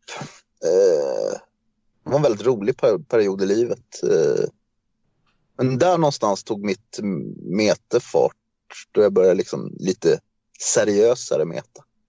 Innan såklart att... Vad körde ni då? Vi metade mycket sutare, ruda. Jag fick mina första karpar och lite sådär liksom. Eh, mm. Ismeta mycket gädda. Ja, mm. det var mest. Eh, det var väldigt kul. bra karpvatten. Ja, det finns väldigt mycket karpvatten i Stockholm. Eh, de är ju väldigt hemliga, eller var väldigt hemliga förr. Men eh, nu så simmar det väl karp mer eller mindre i, ja, inte, jag ska inte säga att i alla vattendrag för det gör det inte, men, men i många i alla fall. Eh, runt Stockholm. Och även stora ja. Och jag pratade med någon, eller en kille vid en fiskebutik i Stockholm. Jag gick dit och skulle köpa mm. boilies. Mm. Nej, de har inga boilies. Men jag har lite boilies i, i bilen, sa han. Ja, du kan få dem. Så, så hämtar han en, en påse med två ja. kilo boilies. Ja, här får du gratis. Och sen började jag snacka lite med honom om, om karpfiske ja. i, i Stockholm. Så han, han förklarade en massa sjöar. Och det fanns ju hur mycket som helst, lät det som. Som höll alltså hyfsad fisk. Eller ja, stor fisk kan man väl säga. Det var många vatten med 10 plus eller 12 och, och sånt där. Ja, det finns otroligt många vatten. Alltså det, det, det gör det. Och det här var öppna vatten? Det var inte nej, nej. Av de här som... Alltså det, rent öppna vatten finns det säkert. Vad kan det finnas? Säg tio då. I Storstockholm. Mm. Sen kan du plussa på. Kanske det trippla. Om du vill. Mm. Ja, men det är sådana vatten där man måste krama någon för att nej, komma in. Det tror jag, nej, det tror jag inte heller. Alltså, det är lite så här... Många av dem finns ju på sportfiskekortet. Liksom. Det finns ganska många vatten på det kortet. Det ja, men det var den han snackade om. Ja. Mm. Och eh, alltså, det står inte att det finns karp i alla sjöar på dem. Liksom. Men det, det, finns väl det, mer eller mindre. Jag ska inte säga att det finns det i alla, men över hälften mm. i alla fall. Ja. ja. det, jag snackade lite om att man ska kanske köra några av de här sjöarna i år. Men det är så jävla mycket. Jag pratade med Sacco igår, han var och hämtade lite snus. Så. Fan, vi mm. måste ta en bastukväll då. Sen skriver vi ner all fiske som vi ska köra och sen lämnar vi listorna till chefen och tar ledigt. Då. Men ja, alltså, den där listan kommer ju bli så lång så att... Man har ju alltid storslagna planer. Sen får man ju någonstans eh, se vart säsongen barkar lite. Brukar jag. Framförallt Krille och jag sitter i lite en annan båt också som har småbarn och, och så.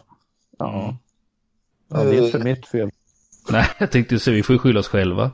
Ja. Nej, men han är så jävla stöddig tänker jag så man får ta ner honom lite på jorden liksom. Ja. Men man kan inte vara allt för glad när man sänder så här utan man måste vara lite bitter också. Liksom. Ja, ja, precis.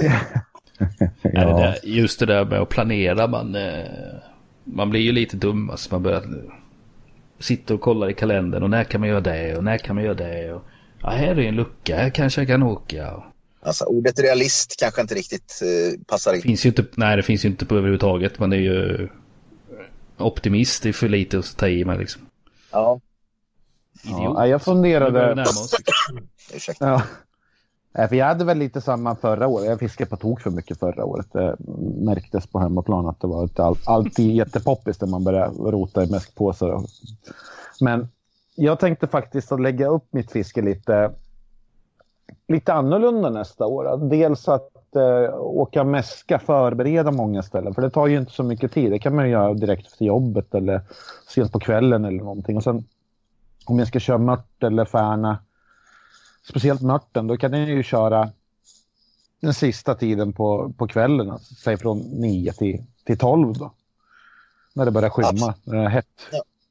så det blir fler men Ja, fast det är lite res, restid, så det är en timme på resan. Så det känns som att då vill jag gärna ha några extra timmar på Färna. Men Mörten kan ja, gott. Det, det, går ju, det går ju ändå att köra ett eftermiddagspass. Liksom. Det känns ju eftermiddag kväll. Det känns ju ändå vettigt framåt vårkanten, även för dig. Liksom. Ja, ja, ja, det kan jag göra. Men jag tänkte så att, att det inte är världskrig hemma, utan att man kan göra det man gör hemma, mat och fixa, dona, diska, allt sånt där. Och sen när det börjar lugna ner sig, då, då kan man bara dra till ånen två, tre timmar. Då. Och har man mäskat fyra, fem ställen som man håller vid liv, då behövs det inte så jättemånga timmar. Alltså, jag behöver inte sitta där och nöta hela natten, utan Nej, men så verkar det inte hända någonting så åker man hem. Dessutom om man är ett par stycken som vi har snackat om, om man är, vi är ju ändå, säg fem stycken som fiskar någorlunda samma vatten rätt mycket här liksom. I krokarna. Mm. Då kan man hjälpas åt. Ja, så det har gått ju... framåt nu senare i år när vi har varit många. Ja, men det är det. Alltså, vi har ju flyttat fram eh, våra egna personliga vikt, eh, PBn och sådär hela tiden. Liksom. Det är ju roligt. Ja, och sen det, det är alltid någon som är någonstans som ingen annan har varit på och tipsar att ja, men där var någon schysst ställe. Så någon annan som kommer dit ja. Nya ögon och testar lite. Och... Så är. Så är det. Alltså, framförallt är det tungt att dra ett lass själv, alltså om man eh, ska göra det med att testa nya vatten och sådär. Det krävs ju ofta att man är ett par stycken. Alltså. Mm. Om man inte har all fisketid i världen och ett pannben av stål liksom att sitta och vassrunka liksom eh, fyra, fem nätter för att fånga en, en ruda kanske som är stor och något vatten säger vi. Liksom. Ja, men dit vill jag nog aldrig. Så viktigt är det inte för mig för de här stora fiskarna att jag ska börja ha tråkigt vid, vid spöna? Nej, men det, det kanske någonstans så kommer ju sådana pass också, det vet du. Jo, men de är inte självvalda. Nej, nej, nej. Jag menar, jag Nej. kan ju... Vissa är ju sådana där att de... de Men, men vad, vad går gränsen att- för dig? då? Om vi säger Ruda då till exempel. Vad går gränsen för dig när du dömer ut ett vatten? Eh, alltså dömer ut ett vatten, det, det behöver man ju egentligen inte göra. Eh, ibland så räcker det med första resan, som den där som du tipsade till oss. Då, då sa vi ju när vi var där och vände att hit kommer vi aldrig tillbaka. Det var inte så mycket för vattnet, det var att det var ett helvete att ta sig dit. Nej, men så, så kan det ju vara. Liksom. Absolut. Eh. Man, kan, man kan ju göra snedsteg så som... Ja, vi idiot- höll på att drunkna där på åkern. Det var så jävla blött Ja. så att det, ja, det var en... Nej, vi kommer nog testa det vattnet också, men det, det kändes som att... Eh, äh, då, då tar man väl något annat vatten som är lite enklare. Alltså, varför lägga jättemycket tid på det som är allra mest eh, offside? Nej, nej, så kan det vara. Men, Men, nej, jag inte döma ut ett vatten. Alltså, jag dö- dömer inte ut vatten så, men jag är inte en sån kille som åker till, eh, till något känt vatten och sen sitter sex dygn apatiskt och bara väntar på ett enda napp. Alltså, nej, det tycker inte nej. jag är värt för mig för att dels så är ju inte det min fisk. Det är någon annans fisk så jag åker till någon annans hemmaplan och, och tar den bara för att jag råkar veta att ja, men ni har stor fisk. Ja, men är det okej ifall jag kommer dit och plockar upp en stor fisk? Jo, man sitter ju och nöter upp den liksom. Det är ju det man gör. Ja, så att eh, jag, jag metar det för att jag tycker att det är kul. Jag, jag, jag gillar ju röra mig och testa nya ställen och sånt där. Och sen, ja, det är liksom att lägga pussel.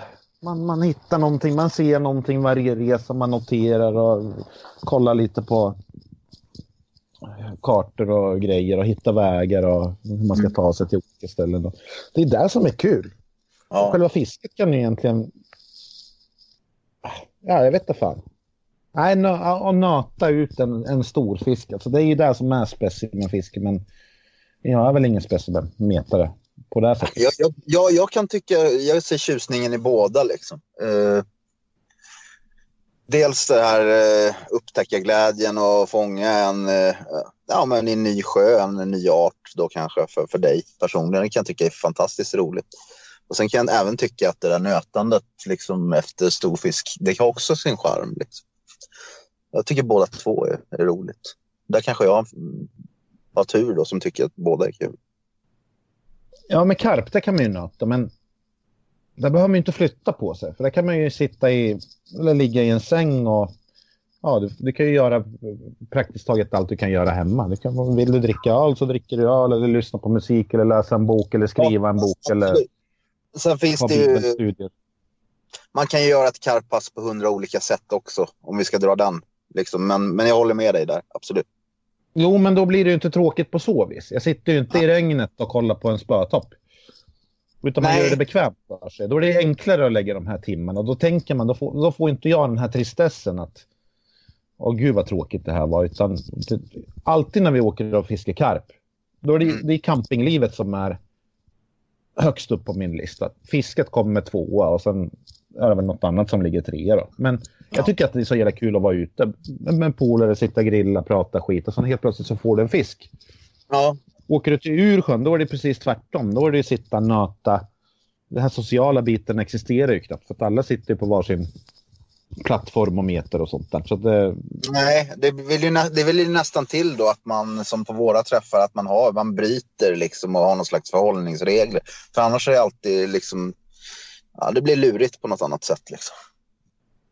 ja, och när det är trögt så då, då är det inte speciellt jätteroligt att sitta där. När det är dåligt väder också.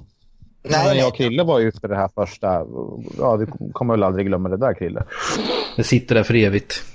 Ja, jag menar det var väl ingen rolig resa direkt. Nej, inte, inte fiskemässigt. Nej, Jävla äh, sur, surfiske var det ju. Med Ja, själva jag- upplevelsen och hela den biten. Ja, men det är det jag menar. Fisket Ja. sög ju. Ja, Men vi visste att det skulle har vara ju- svårt. det Men var ju upplevelsen alltid var ju häftig. Precis. Så det, Mm. det är ju, jag tycker nog många gånger att det är det som är, kan vara mer värdefullt ibland än den där specifika fisken. Alltså just hela Mm. den här resan fram till den specifika fisken i sådana fall är ju nästan ännu roligare. Ja, men så kan det absolut vara. Det håller jag helt med om. Just det här att då, eh, som att man är ett gäng och åker iväg och har kul ihop och hela den biten. Och sen att jag inte får någon fisk eller någon stor fisk, det är egentligen skitsamma om någon annan får det. Det är deras drömfisk så är det minst lika häftigt tycker jag. Ja, men det tycker jag. Det, det, så den inställningen har ofta jag också när jag är ute och fiskar med någon. Liksom, att jag blir jävligt glad, genuint glad när den personen får en bra fisk. Liksom. Jag, tror aldrig jag, jag, jag, jag, tror aldrig ärligt, ärligt att jag känt avundsjuka gentemot någon annans fisk. Nej, inte jag heller. Jag, jag, det är många gånger man blir mer lycklig för, för någon annan som får en stor fisk än man själv har fått det. För, jag vet inte varför. En dum i huvudet kanske. Ja, det, ja, speciellt det, om det är någon, någon som inte har...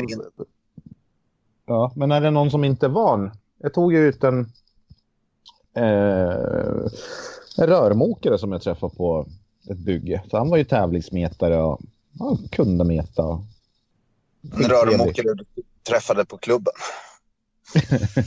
Nej, inte på klubben.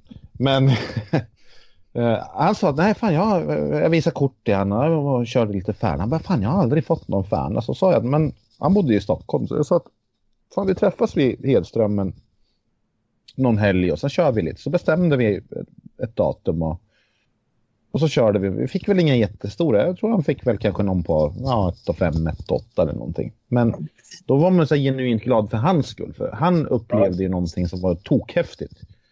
Mm för mig var det inget märkvärdigt. Det var ju, vi fick inga stora, vi fick väl inte jättemånga heller men, och, och vädret var dåligt och så. Men, men för han var det häftigt och då, då tyckte ja, jag att det var... Det, det är ju jäkligt schysst att man kan bjuda på någonting som gör någon annan glad. Liksom.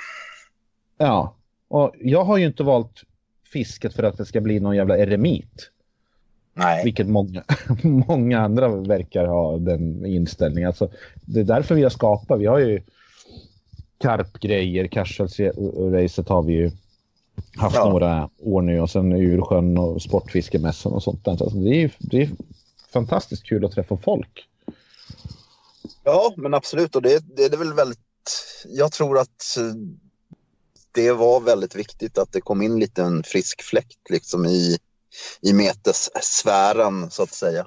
Som rör runt lite bland allt gammalt groll och gnäll och samma tänk och, och så liksom. Det, det behövs. Eh, folk som kommer in med öppna ögon och stryker allt sånt och nu kör vi på ny kula och take it or leave it lite så liksom.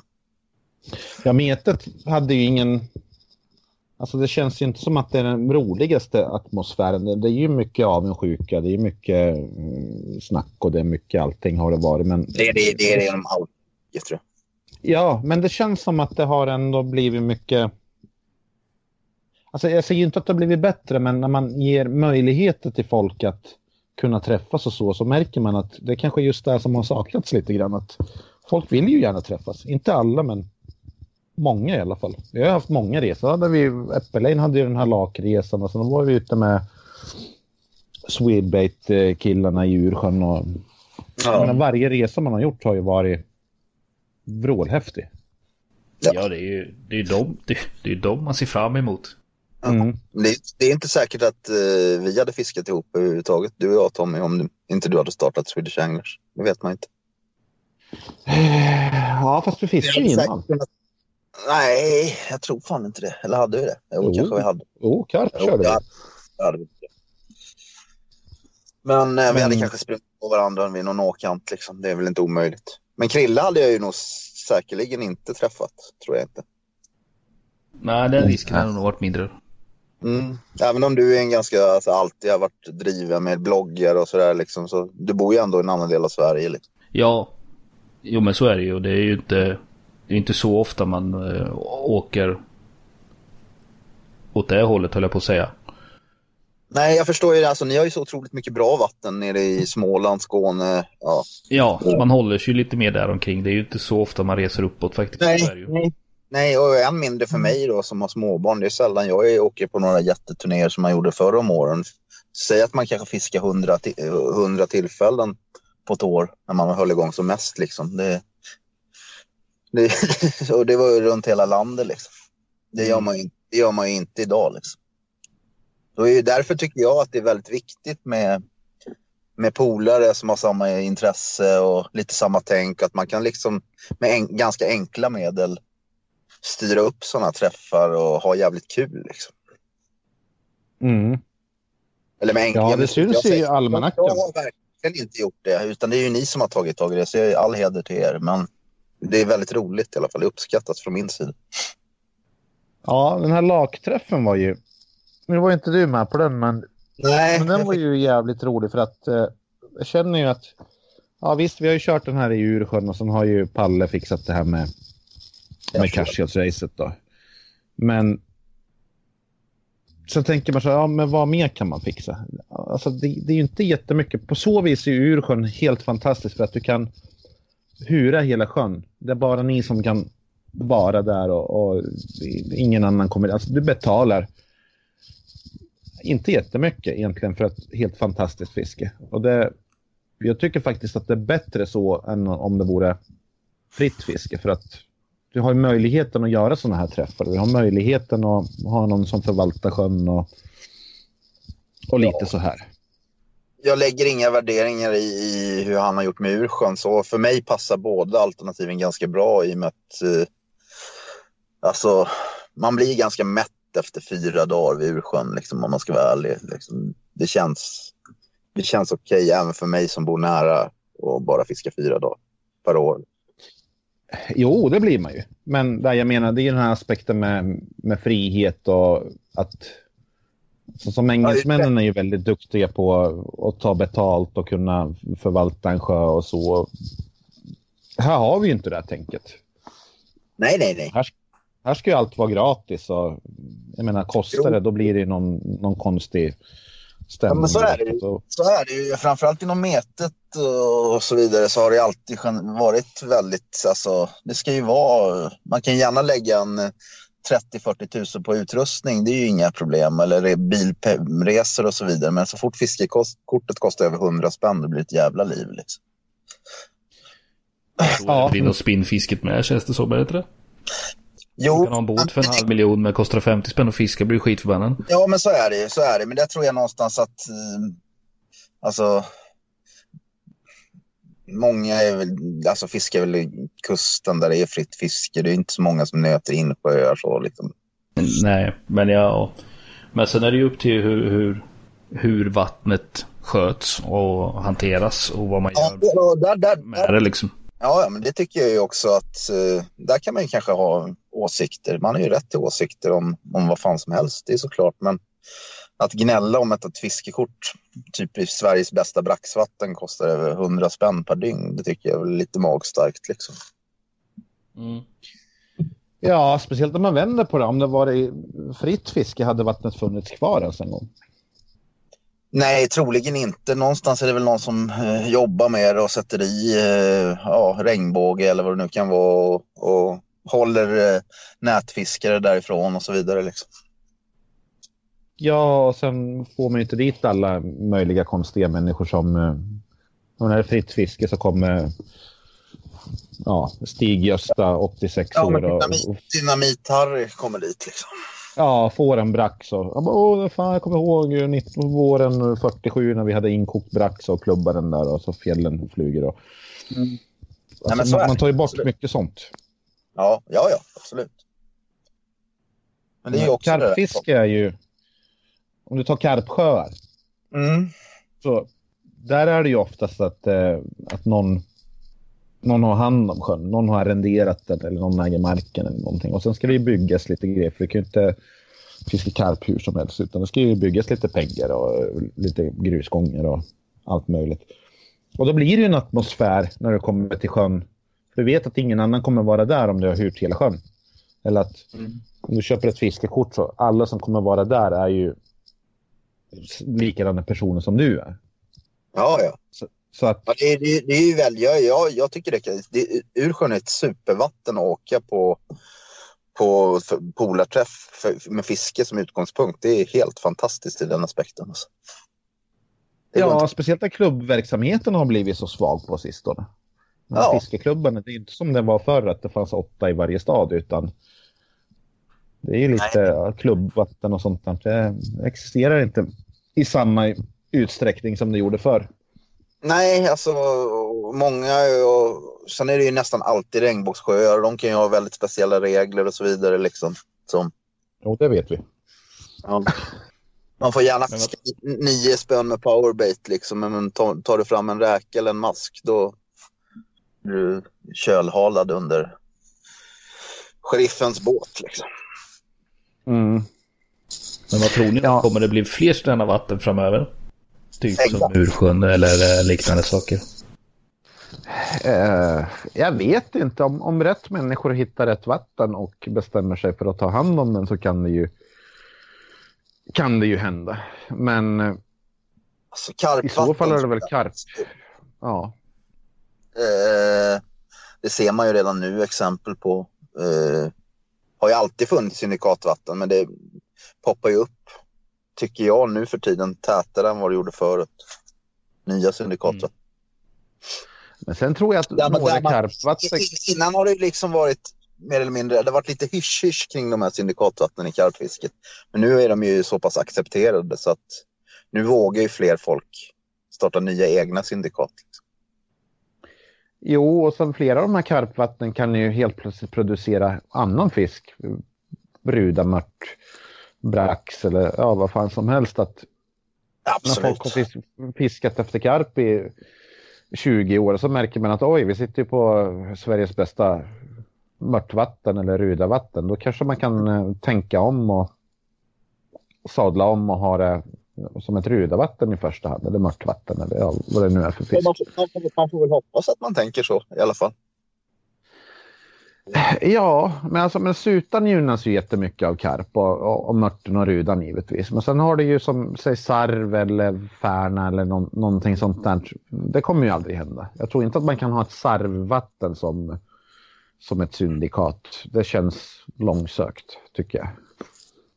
Ja, sarv är i och för sig en otroligt vacker och stridbar fisk för sin storlek. Så jag personligen skulle ju kunna betala för det. Men Jo, det men jag alla. tror att förutsättningarna, förutsättningarna är nog inte lika starka att, att sarven... Bygga upp ett stort bestånd eller så menar du? Ja, nej, men med mäskning och sånt där. Att, eh, rudan och sutan verkar ju falla bättre på plats där med, med boilies och pellets och sånt där. Så, jag menar, man har inte hört om jättemånga jättebra sarvvatten som bara tillkommit som en, ja, som någon biprodukt av karp. Nej, det är väl i så fall om det har satts karp i befintliga sarvvatten. I så fall. Det är väl det jag kan komma på. Ja, Där det funnits, funnits stor sarv innan. Liksom. Så här, typ stora grusgropar och sånt. ja. Men jag tror rudan är väl ett, eh, eller en fisk som som folk säkert uppskattar att äta. Den, den känns ju lite karpig på något vänster och den tål ju fisketryck och... Det är ju en Den är underart. häftig. Liksom. så. Mm. De har ju mångt och mycket ganska liknande beteende förutom att rudan är lite sävligare och, och mer bottenbunden. Liksom. Ja. Sen är det ju alltid problemet att om, om du har karp och ruda i samma vatten att ska du köra efter ruda och sen råkar du kroka en karp så det, det kan ju ha sådana nackdelar. Ja, det är inte ofta man har utrustningen. Eh, det finns ju ingen medelväg att gå liksom direkt där. Nej, för jag menar bara sutarna i Ursjön blir ju en jävla match där det krokar på sån där. Absolut, alltså jag körde ju med väldigt klena grejer sist jag var där och med cen- centerpinn och jävligt lätt eh, drännanspö liksom. Klent flötmeterspö. Och jag hade ju fullt sjå att få upp dem där på 0,16 linan liksom. Mm. Vad skrek i rullen där borta? Ja, det gjorde ju det liksom. Ni trodde jag var dum i huvudet och stod och... Vi tänkte vad fan, vi var in den där jävla... Ja, men, alltså jag var tvungen att använda all min uppbyggda drillkunskap där för att få in den ena sutan. Så var det faktiskt. Den gick fan halvvägs ut i sjön alltså. Mm. Ja, det, det hördes ju hela sjön när han tog linan. Jäklar vad det... Vilken fart han hade fick. Ja, ja, ja visst. Ja, det är ju ändå inga enorma fiskar. Jag menar, de är ju i samma viktklass som rudorna nästan. Så att förstår man har karp i sådana vatten. Då blir det, det blir katastrof. Ja, men så är det. Vi har ju också sådana vatten där vi har både rudor och karp och där man kan sitta och flötmäta lite så. Då kan det ju bli ganska gedigna fighter kan man ju säga. Mm. Ärkebiskopen Karp. Ja, ja det så är det ju. helst har grabben med sig och kör to- toppknutet. Ja, det är då de kommer. Ja. Men Det det bevisar ju, det bevisar ju Ja. hur nära land karpen går och eh, hur oskygg den kan vara. Alltså som den här sjön som, som Karl pratar om. Jag, jag fiskar också där. Och eh, man kastar ut karpspöna och sen, sen finns det ju rudor som, som håller till där precis vid, vid peggarna. Och jag vet inte hur många karpar man har krokat precis vid fötterna. Medan man har blanka helt på karpspön. Absolut, så är det. Nu har inte jag metat med larmspön där på ett par år.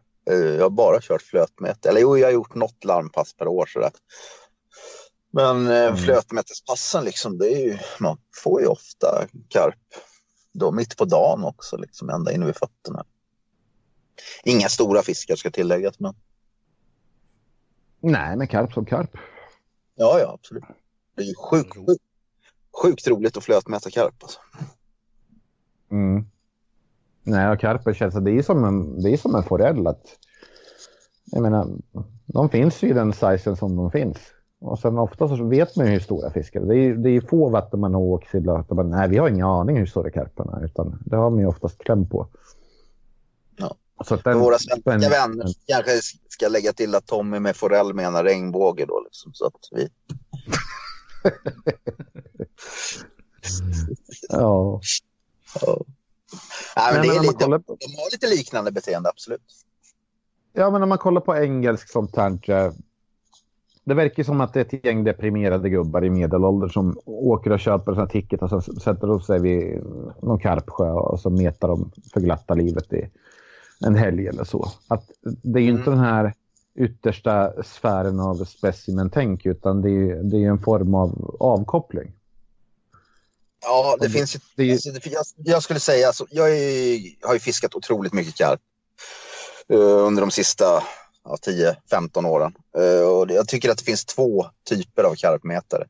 Säkerligen fler, men det finns ju de som eh, kampar eh, och åker till samma sjöar och ja, men kör samma stuk varje gång de kommer dit. Sen finns det ju de som, som är riktigt duktiga på det där som liksom tar sig an varje vatten ja, med, med, en helt annan approach. Liksom. Eh, Så, Ja, ja, ja, givetvis.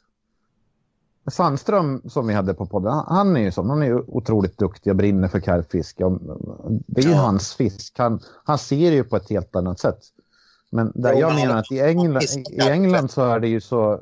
Ja, men i England så är det väldigt vanligt att folk ser karpmeter på, på ett helt annat sätt än vi svenskar gör. Eftersom det är sånt här day ticket eh, vatten att du Ja, kan bara det, det, det dumpa lika- dina grejer. Och, Det är inte lika mystiskt och exklusivt som det är här. Liksom. Nej, och sen har de ju långt fler karpar i sjöarna så att du, du kanske kan Verkligen. få fem, sex, sju karpar per, per pass. Ja, men du vet, de sitter ju, alltså, du kan få ännu mer, de sitter ju och kör vanliga feederspön, liksom, eller flötmetesspön, sånt som vi fiskar sutare och ruda med. Sådana spön sitter de och kör med Ja. i karpvatten. Och bara sopar upp Men- karp i sådana Men det är commercial så jag ser det är så jag ser forellfisket, att det är en form av avkoppling alltså. Du, behöver, du slipper ju tänka utan kan bara ta det för vad det är och få lite Ja. drill och Ja, det stånkar på lite i spöet liksom. Det, det är kul på ett sätt. Jo, men det är ju nästan fult att säga det i Sverige för att här ska vi alltid vara så jävla proffsiga att ja, men så där kan du inte säga. Du kan ju inte meta karp bara för att du uh, åker dit och kampar. Nej, men varför inte det? Jag gillar ju det. Är det förbjudet eller? Och då får jag, måste jag vara uppe i en talltopp och spana med kikare och losfida med Nej, så? Är det liksom något krav för att man ska kunna få fiska karp? Nej, men jag vet att du inte är så, men många är ju så att de blir ju de får ju ont när de hör när jag skriver eller läser när jag skriver någonting att jag tycker det är så skönt att bara ligga och läsa en bok och slänga ut spöna och sjunger det i spöna så gör det där. Gör det Ja, inte det så då, då skiter Alltså, det. jag, jag tror att många eh, är precis som du där. Det, det tror jag att många är.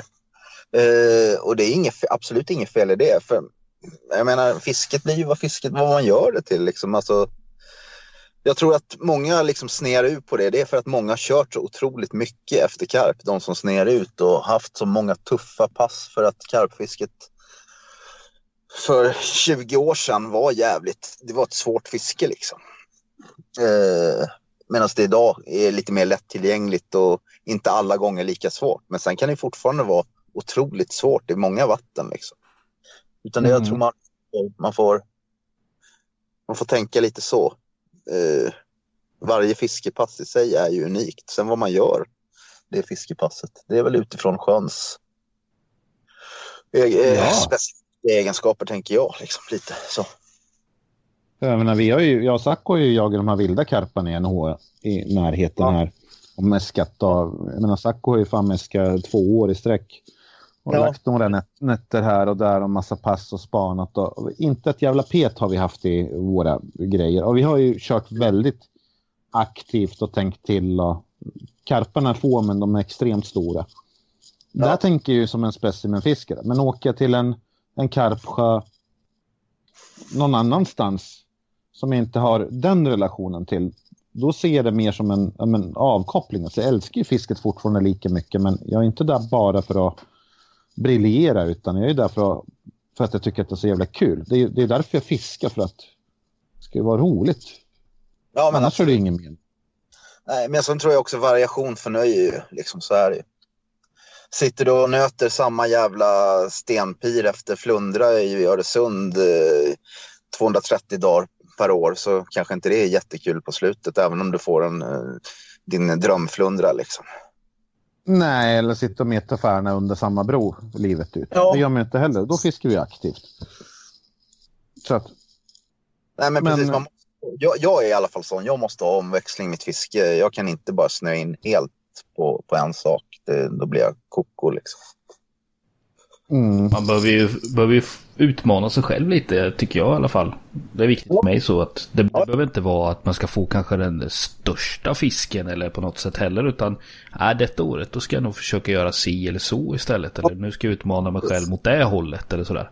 Det är, för mig är det väldigt viktigt. Ja, jag är nog lite som du där. Jag är också så här, jag gillar prylar och alltså, olika fiskemetoder. Medan alltså, Tommy, du är mer inställd på själva fångandet av fisken, alltså fiskarna i, i sig.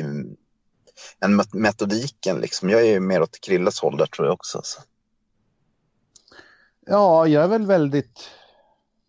Vad ska man säga? Alltså fiska efter gädda, karp, regnbåge, gös, abborre. Där, där ser jag att där ska fisket helst vara roligt för att det är inga fiskar som jag annars skulle fiska efter. Nej, då, jag då bestämde ska mig du... någon... Ja, för jag bestämde mig någon gång efter den 500 trollingpasset i Eskilstunaån, 15 minus och förfrysningsskador och grejer att det här, är- det här är fan inte roligt. Jag tycker Nej. inte att det här är kul. Det är därför jag la av med gäddfiske. Vi fångade stora gäddor och det var väl trevligt att sitta med Ronny i båten och snacka skit och dricka lite whiskyglögg och sånt där. Men själva fisket, alltså det gav mig absolut ingenting. Det var just det här att Ja, kolla, där fick jag en 8 kilos gädda. Då kunde man lägga upp det på Instagram eller vad fan som helst. Men, Mm.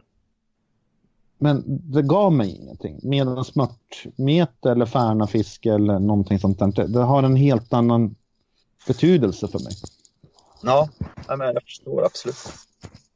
Så är det ju. Så, det är ju jag tror det är viktigt med. Att, att man hittar de här grejerna som man, oavsett vad det är, men att det ska finnas en betydelse eller en drivkraft eller en, ett sug efter att försöka göra någonting. Eller att man bara vill bevisa för sig själv att det här trodde jag på, nu ska vi se om det funkar eller inte. Mm. Ja. Och sen som när vi åker till Ursjön, då ser jag ju mest fram, fram emot själva resan. Umgås, träffa alla människorna, ha trevligt. Det är ju prio ett. Sen är det ju, råkar det vara ett jävligt trevligt fiske i en jävligt trevlig sjö. Det är en bonus. Men vi kunde ju, alltså skulle vi göra den här resan i någon annan sjö, jag skulle fortfarande se lika mycket fram, fram emot det. För att då får man ju träffa gänget och ha det trevligt. Absolut, så är det. Mm. Det är det jag menar med just man kan ju ha båda sidorna i sitt fiske. Man kan ha dels den sociala, kanske lite mer lättsamma biten och sen kan man ju ha de här ensamma, tunga vinterpassen liksom som, som kan ge eh, mycket i andra aspekter. Liksom. Mm. Och där är ju fiskesuget så jävla stort på vintern oftast att Ja, därför det är jag skönt jävligt, att komma ut.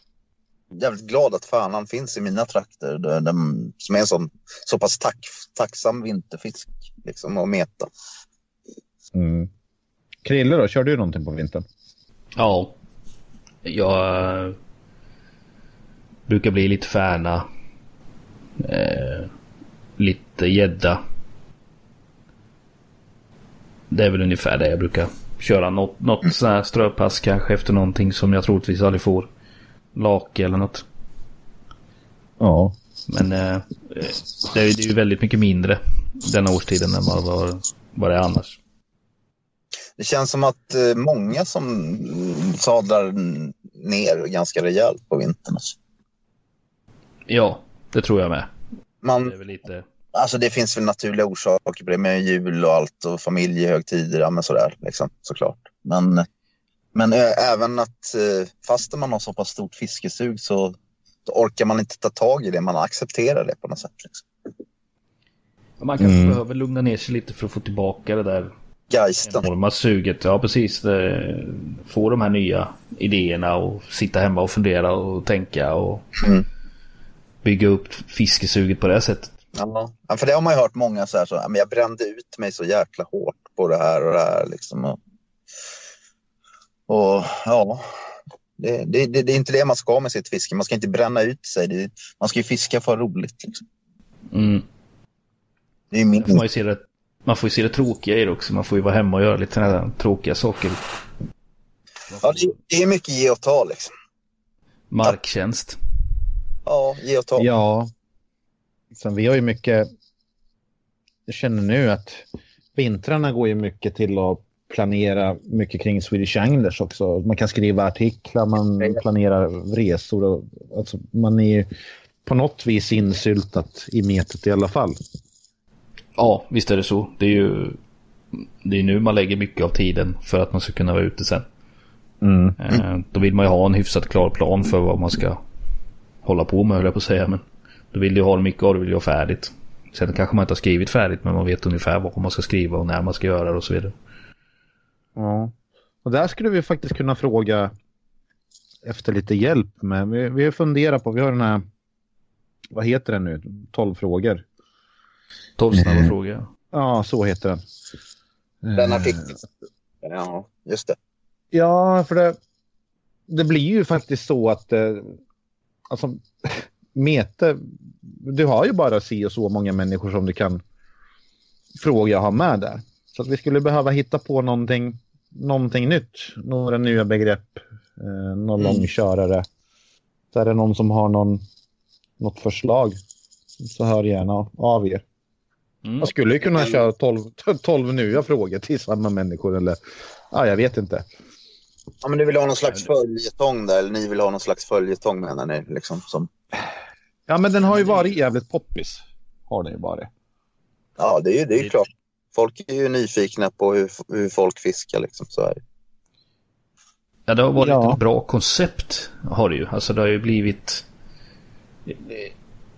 Det har blivit intresse kring det. Att folk vill läsa lite om det. Så är hur de ställer sig till hur eh, ett... eh, Vi säger med, med kända vatten eller det mest dråpliga som har hänt. Eller vilka de ser upp till. Och till att olika fångster och så vidare. Den, den innehåller ju rätt mycket.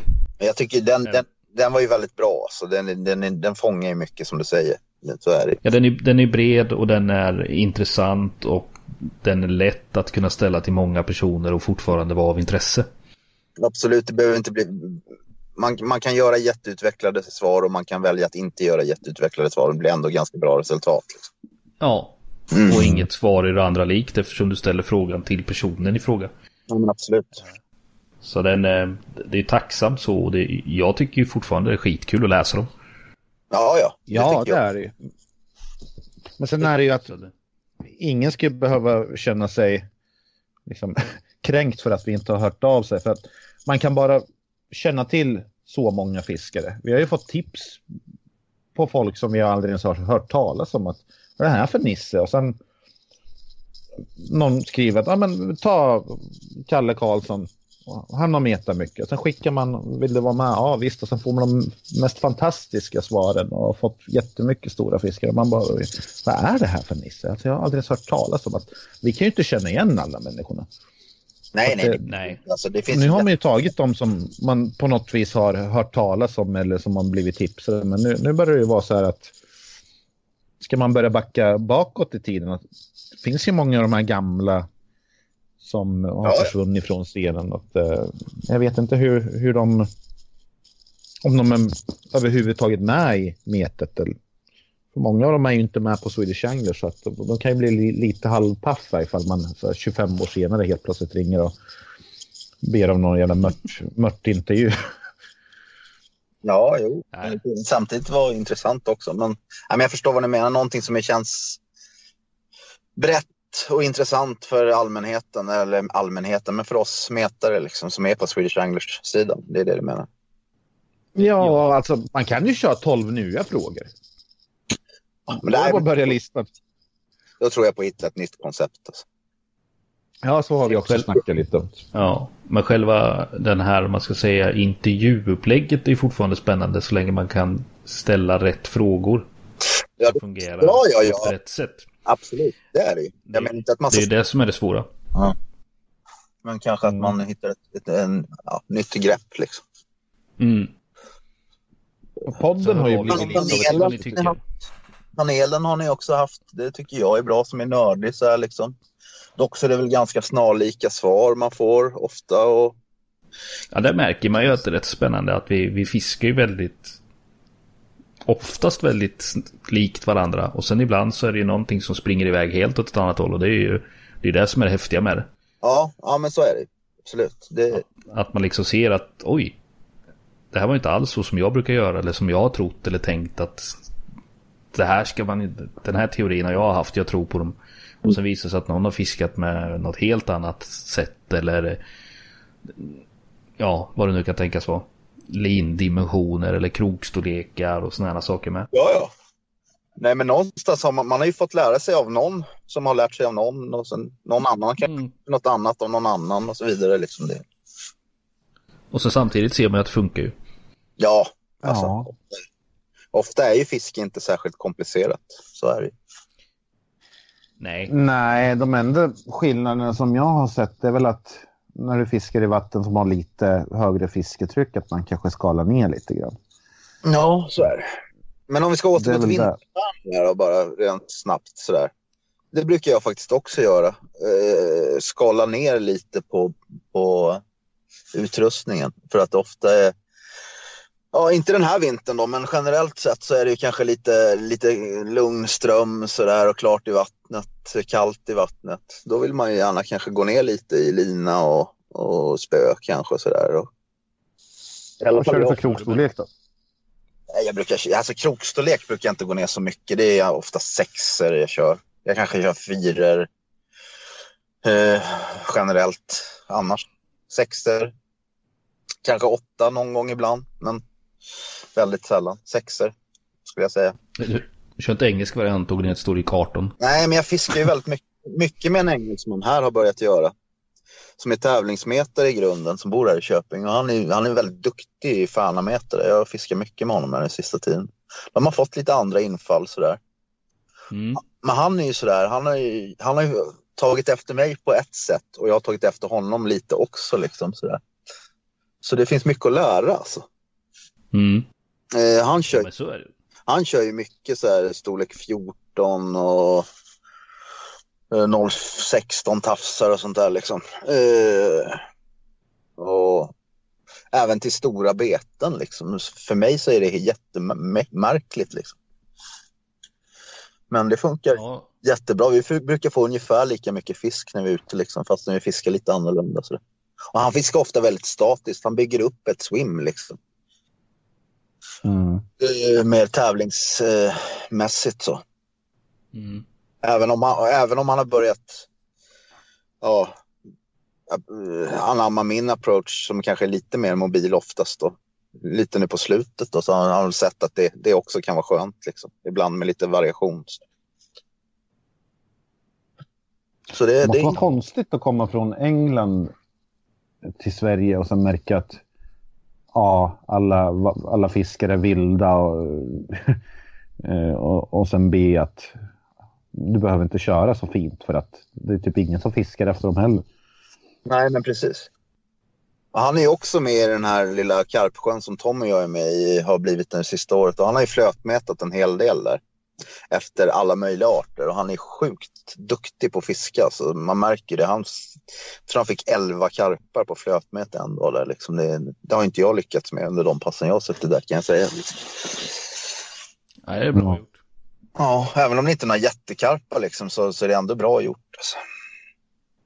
Mm. Så, någon, så, det är du någon... som köper alla de här krokarna i storlek 6? För jag har alltid tänkt på jag, jag, hur många paket med sexor som, som helst. Och sen tänker jag, vad fan ska jag använda de här till? det, det, det, det är en mell, mellanstorlek som... Man kör ju typ, um, fan vet jag, abborre eller någonting sånt där. Mm, men jag kör ju ofta B983 vet du. Och du kör ja. väl 980 kan jag tänka mig eller? Ja. Ja, det är ju som en 4 980. Ja, men då är det ju förlåten. jag kör ju med B983 och jag växlar också mellan 4 och 6. Ja. Det är väldigt sällan jag går lägre än det. Nej, det är jag 980, jag har ju bara 6 men jag, jag tror jag aldrig använt dem. Jag, jag, kan inte hitta, för kör jag mört då är det ju... Ja, ja, kör man väldigt grovt då kör man väl kanske en 8. Men ofta så ligger ja. man väl på en 10 eller sådär. Och så om man kör färna då är det två år eller fyra man kör då. Ja, du skulle, prata, du skulle prata om en tävlingsmätare, Thomas. Ja, ja, men då får man ju lägga en etta framför bara så blir det väl ungefär rätt. Ja. Ja. Nej, men, men alltså, jag ska köra, köra med en hel räka, vad fan? Stor mört, det är klart att man... Då går man inte ner på en storlek 18-krok om du sitter med en hel räka. Liksom. Det är totalt vansinnigt. Nu fiskar du kanske inte mört med en hel räka.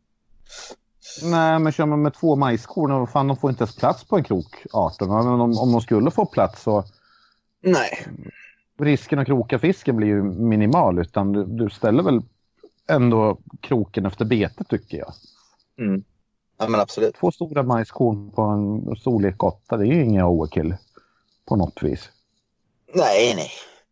För karp är det klockrent. Ja, för mörtbä. Jag skojar Jag förstår hur du tänker. Ja. Vad heter det? Nej, men enda gången jag har egentligen fiskat med små, små så 16 krok och 18 och sådär, det är ju typ med maggots och ruda har jag väl också gjort det någon gång. Inte, kanske inte 18, men 16 har förekommit någon gång. Ja, ruda kör väl 12 eller 12 Det är också samma beror på vad man har för krokmodell, tänker jag också. Det är så stor skillnad på många olika krokar. Liksom. Ja. I storlek. Nej, jag, jag kör ju nästan alltid de här B980 eller vad de heter, de här orangea mm. paketen. Ja, det är, en bra, det är en bra krok. Anledningen till att jag inte använder den till färnafiske så mycket, det är för att de blir slöa in i helvete fort. Får ge fan i att kroka fast dem i stenen. Ja, men alltså det räcker med en gren liksom. Ja, nej, jag brukar ju inte kasta i träna, men... nej, nej, det är klart. Där har du förklaringen. Ja, jag får, jag får, jag, jag får väl träna på att kasta då. Jag kan ju inte det. Ja. ja. Nej, jag vet inte fan. Jag, jo, men jag har ju kört Drännankroken fast för något år och sen ett annat år så slutade den funka bara. Så gick jag tillbaka till B980. Sen har varit där. Widegape-krokarna, de känns lite klena för Färna tycker jag vissa. Alltså, krokade på riktigt ja, i Färna i strömmen. Ja, 983 har jag rätat eh, en gång faktiskt. På fisk. Mm. Ja. En gång har jag gjort. Jag tror jag har gjort det också en gång. Annars så har jag nog aldrig gjort. Den, den brukar till bottenmeter tycker jag att den är eh, riktigt bra alltså. Ja, jag med. Alltså. Den är, den är inte supervass eller någonting sånt, men den håller fast fisken när man väl får fast den. Mm. Ja, jag kör ju den och på ytan kör jag oftast eh, Drennans eh, Wide Gape krok, storlek ja. 4 eller något sånt. Ja. Mm. Och den har ju lite kortare skaft sådär så att den är ju, och sen lite större böj så att den är, den är bra för bröd. Mm. Den är helt lysande tror jag. Mm. Krokar ni när ni kör ytan? Eh, kör ni baitbands eller kör ni kroka på? Jag kör Nej. nästan uteslutande bara rakt på. Mm. Ja, jag med. Så jag har ju gått kör- över till den här Om ni kör bröd eh, botten, på bottenmeter då, också bara rakt på? Ja. Ja. Mm. Jag testade att köra med den här, eh, eh, oh, vad heter de, eh, Bread Bombs, det är väl Nash.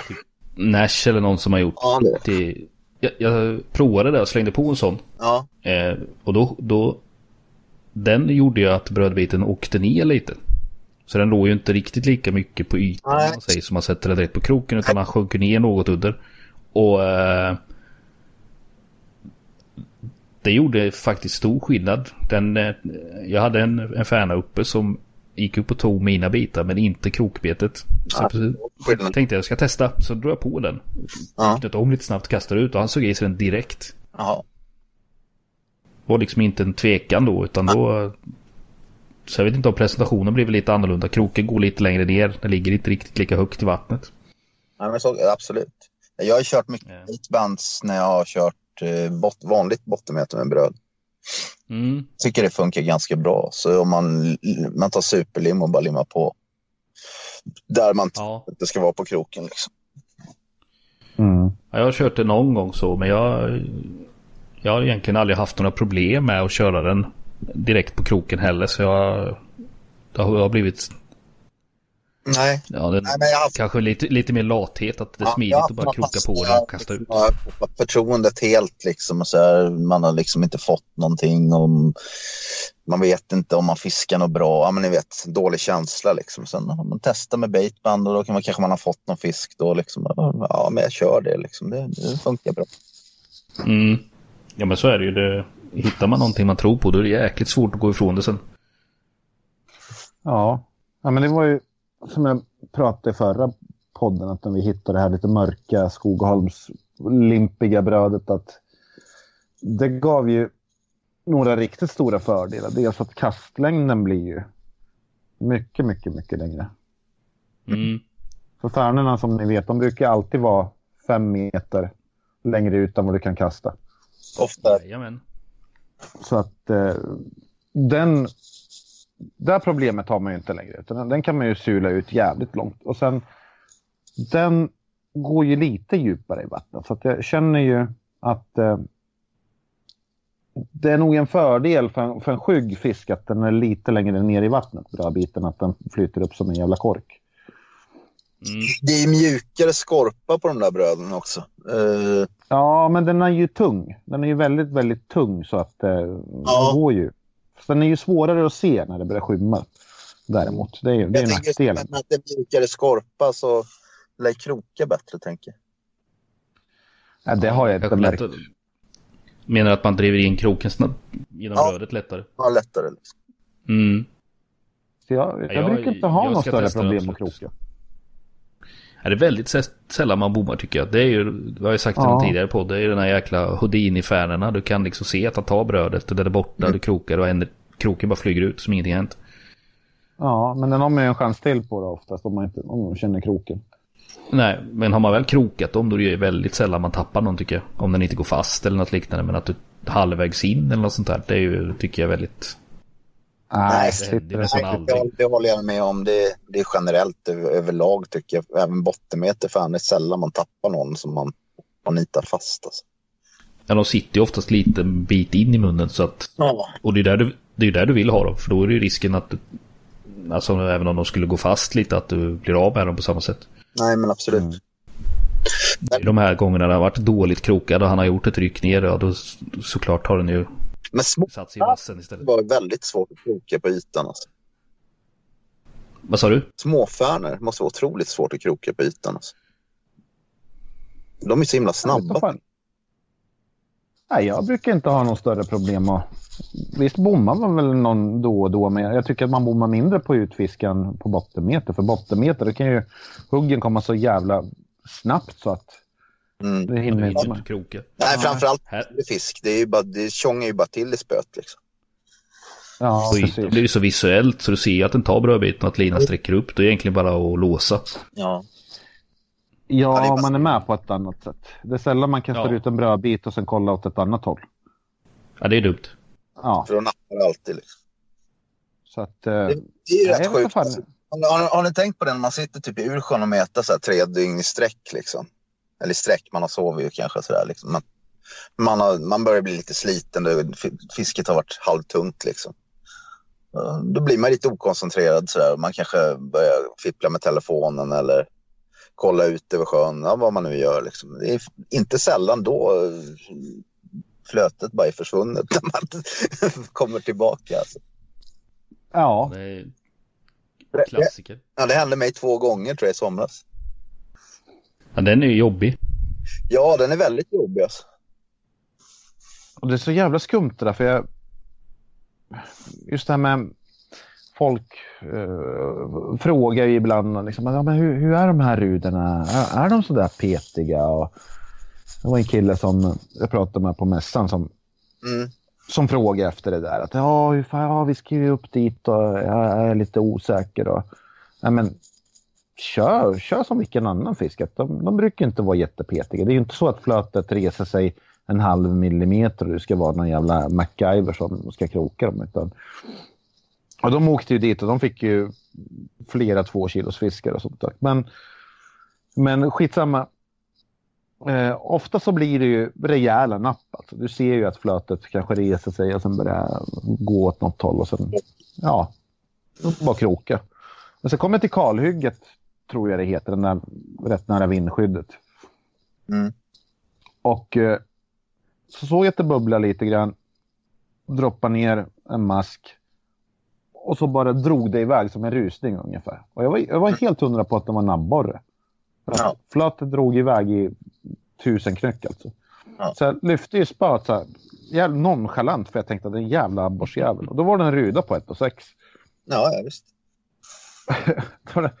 Skitskumt där. Men det måste ju vara att han har tuggat på masken och känt kroken direkt och fått någon knäppryck eller någonting. Det var det konstigaste jag varit med om någonsin. De har väldigt skiftande beteende Ruden Ursjön som kan vara Alltså i fighterna också. Vissa kan vara som plastpåsar medan andra kan slåss som sutare. Det är stor skillnad på olika fiskare. Ja, de säger så. Jag har aldrig fått en, en ruda som ens har tagit simtag tror jag. Men jag har fått De har lagt sig på ytan direkt. Ja, de, sim, ja, de simmar utåt och sen kommer de på ytan och sen chippar de efter luft. Så, så bara, Nej, jag, har, jag har fått ett par där som har faktiskt fightats ordentligt. Alltså. Jo, jag vet att folk säger det, men jag har haft så jävla svårt att tro på det. Jag tänkte, vad fan, jag har aldrig ens fått en fisk som är i närheten av att bjuda till en fight. Alltså det har aldrig Men- någonsin känt så här att, oh vad svårt det här var. Att, mm, nej, de har bara kommit in. Men det Men måste den ju jag fick nu sist. Då var ju du jämte ju. Jag hörde det ju till och med. Jag tog ju lina från mig. Mm. Ja, men du höll ju på med den här leksaksrullen. Det... Då blir ju allt en Ja. fight. Det är ju en fight att bara Ja, få ja, ja. flötet med centerpin. Precis. Det är tur att det man bara behöver lägga ut det så man inte behöver hålla på och krabba. ja. Allt, allt som inte är en Shimano GTR är en leksak, anser Tommy. ja, lite så är det ju. Ja. Så ambassadörer och sånt där tjafs, det, det går inte att fiska med. Liksom. Nej, jag, jag köpte en av Ronny men jag la tillbaka den i lådan. Det var, det var ingen kul alls. Nej, någon dag så ska du... eh, Ska vi se att... Ja, födelsedagspresent. Kanske en centerpinrulle. Ja, jag tycker också det. Ska vi samla ihop till en sån här rysk från Ukraina? Gjorde Nej, men jag skulle nog kunna Ja. tänka tänka mig att köra lite centerpin efter Färna och sånt där. Och mört också. Jag gillar ju att köra mört så att det, det vore ju faktiskt lite häftigt att... Joar är ju, det är ju ypperligt alltså. Du får ju en helt annan kontroll alltså, på närdistansfisket. Det är ju, det är ju helt Mm. suveränt. Ja, det är riktigt roligt. Ja. Men jag känner att jag har inte riktigt tiden och orken för att ha ännu ett besvärsmoment i livet. Men vad är det? Det är inget svårt. Du lär dig ju, du kan Nej. ju fiska. Du är ju skitduktig på trotta liksom, bröd. Jo, men vad fan, sen ska ju köpas de där grejerna. Och sen kanske man tycker att det är kul, då ska vi köpa tre till. Och... Det där, det där är farliga. Ja, men jag har ju kul. Jag menar, fan, det är som, han har ju så golfbag med olika pinnar från 15 fot och uppåt och sen rullar som är handbyggd av någon jävla engelsman på 1800-talet och kostar Så är det. skjorta. Så är det inte. Jag har några fina flötmätespön, det är allt. Ja. Nej, men absolut. Det kan jag väl vara värd, tycker jag. Ja. ja, men när jag fyller 50 då får ni väl köpa en sån om jag lever fortfarande. Ja, då ska du få en centerpinrulle av mig. Ja. En korv med ketchup av mig. Ja. Fan vad snällt. Du, jag fick faktiskt en, eh, eh, det var en, en, inte helt oväntat en finsk snubbe som skickar på Messenger att ja, jag, jag läst dina krönikor och sånt där. Och, ja, för jag, håller med dig om det här med senap. Att bra senap, det, det växer inte på trä. Så jag, jag skickar en burk senap till dig. Så jag bara, jaha, så här, det var ju... Så han har gjort den själv efter hans eh, mammas recept då. Ja. Så då kom det ju en, en lapp, sån här avi från posten, att du har ett paket och här. Så åkte jag och hämtade. Jag tänkte att ja, men det kommer väl en sån här liten, ja du vet, så pillerburk med lite senap. Ja. Och så gav jag den här lappen till henne i kassan och sen kommer hon med, jag tänkte, fan, den väger ju typ ett kilo den här jävla burken. Och så kom jag hem, öppnade den, då var det en skitfin sån här silverfärgad burk med finska lejonet som stod Suomi och sen var det till bristningsgränsen fylld med tokstark skitgod senap.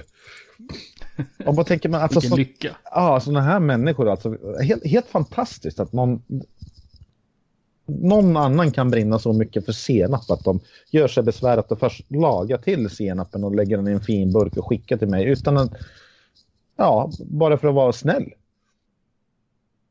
Det finns snälla människor. Ja, det är Ja. Nej, jag vart, Ja, jag vart faktiskt... försökte göra mig rolig över det där, men vi kan väl nöjas med att han var väldigt snäll. Ja, Han var ju supersnäll. Ja. Kom igen nu. Absolut. Var ja inte alltså, så bitter. nu. ni Nej, har ju aldrig kommit med någon kvalitetssenap. Slotts. Jag har den här slottssenap, den här sötstarka. Sö sötstark ska det vara, vet du. Mm. Om jag- Smakar skit. om jag ska eh, säga någonting så jag äter ju inte heller ketchup, Tommy.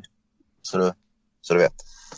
Jag gillar Ja, men på kebab kan man ju ha ketchup och sådär, men inte på korv. kebab.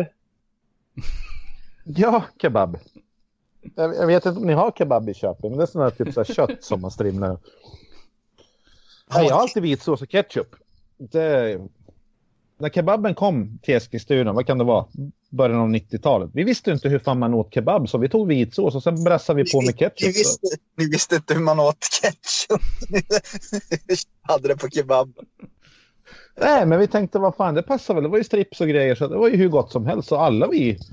Alltså jag har känt många finnar i mina dagar och ni har väldigt konstiga matvanor. Det är ju bara pommes frites och korv rätt in på, i ugnen bara på en plåt liksom. Sen på med Ja, lite det är senap. gott. Det är riktigt jävla gott. Det är finskt så det bara sjunger om det. Strips och senap, det är också jävligt fint. Det brukar jag, jag brukar ofta ha senap. Och vill man lyxa kan man ha lite så här piffig all- allkrydda på liksom. Ja, och sen räksallad och senap är också jävligt gott. Ja, räksallad på hamburgare. Det är gott också. Tycker du säkert. ja. Ja, Det är gott. Ja. Jo, sådär. det är riktigt gott är det.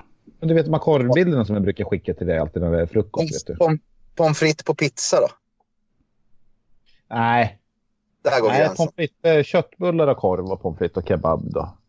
Ja. Ja, kanske en Man kött. ska, man ska inte blanda för mycket. Vad tycker ni om frukt i mat? Nej.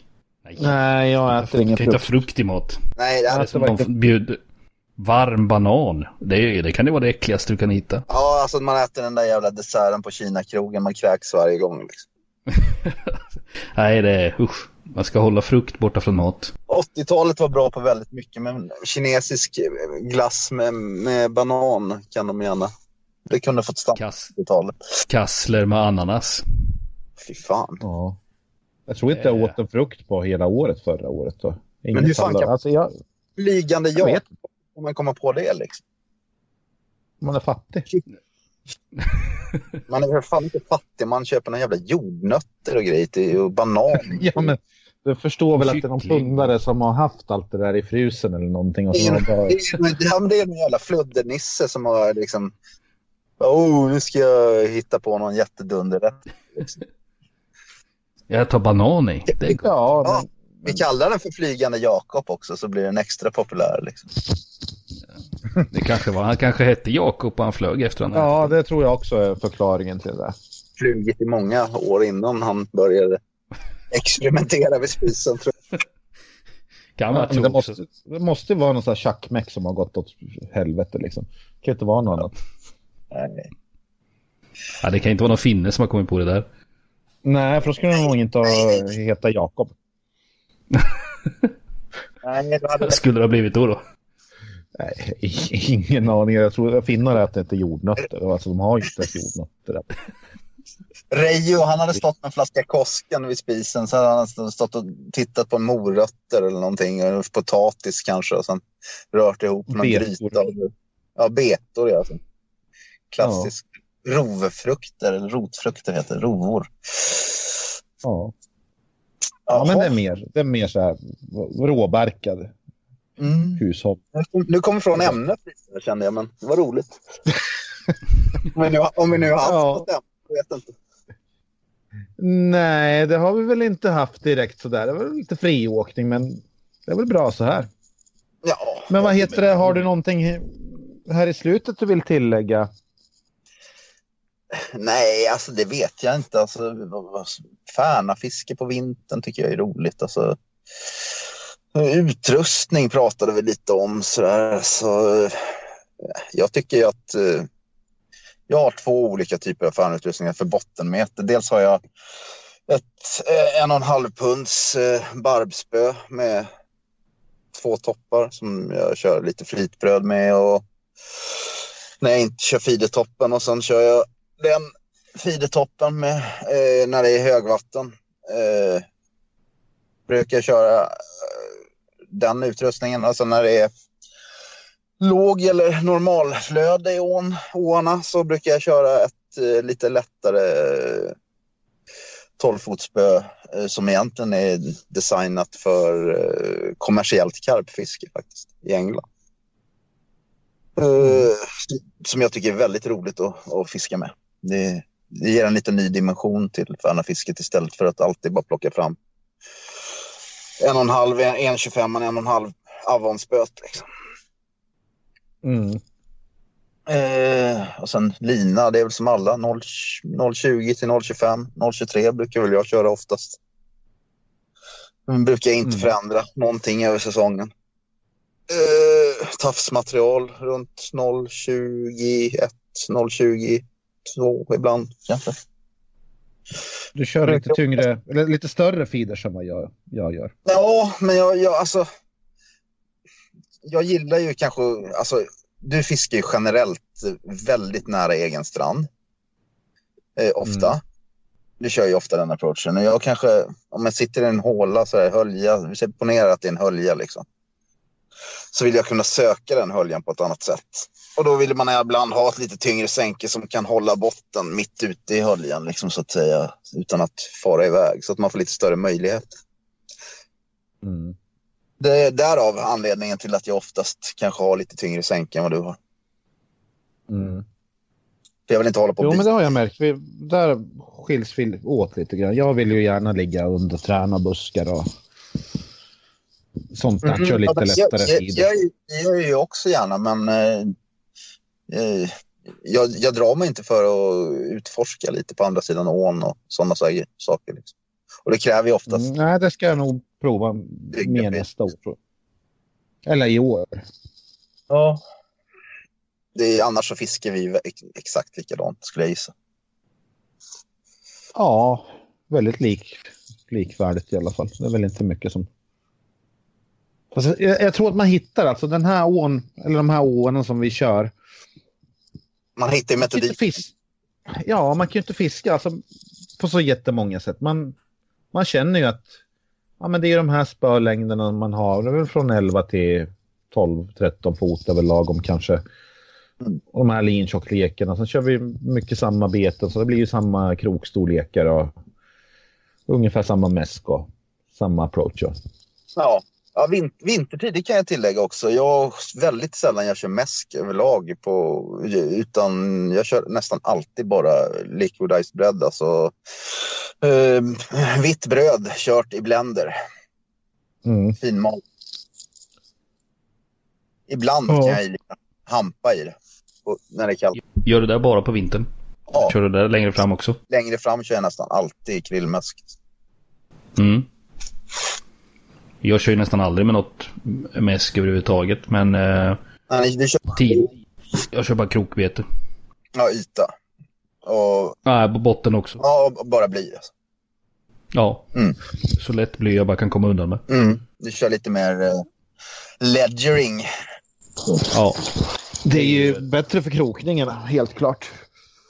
Det kan man ju... Sen är det ju eh, nästintill hopplöst att börja köra med mäsk i många av åren jag är för det kommer ju in mycket annat. djävulusiskt mycket småfisk.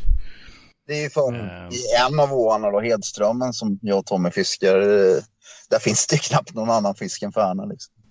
Nej, och då kan man ju på ett helt annat sätt fläska på med lite mäsk och, och kunna få in dem den vägen. Ja. Men jag kör ju mycket sån liquidized bread på eh, tidig, tidig vår. Mm. Och eh, då brukar jag, oftast brukar jag gå en viss sträcka och sen så slänger jag i Bollar. på platserna jag vill fiska. Mm.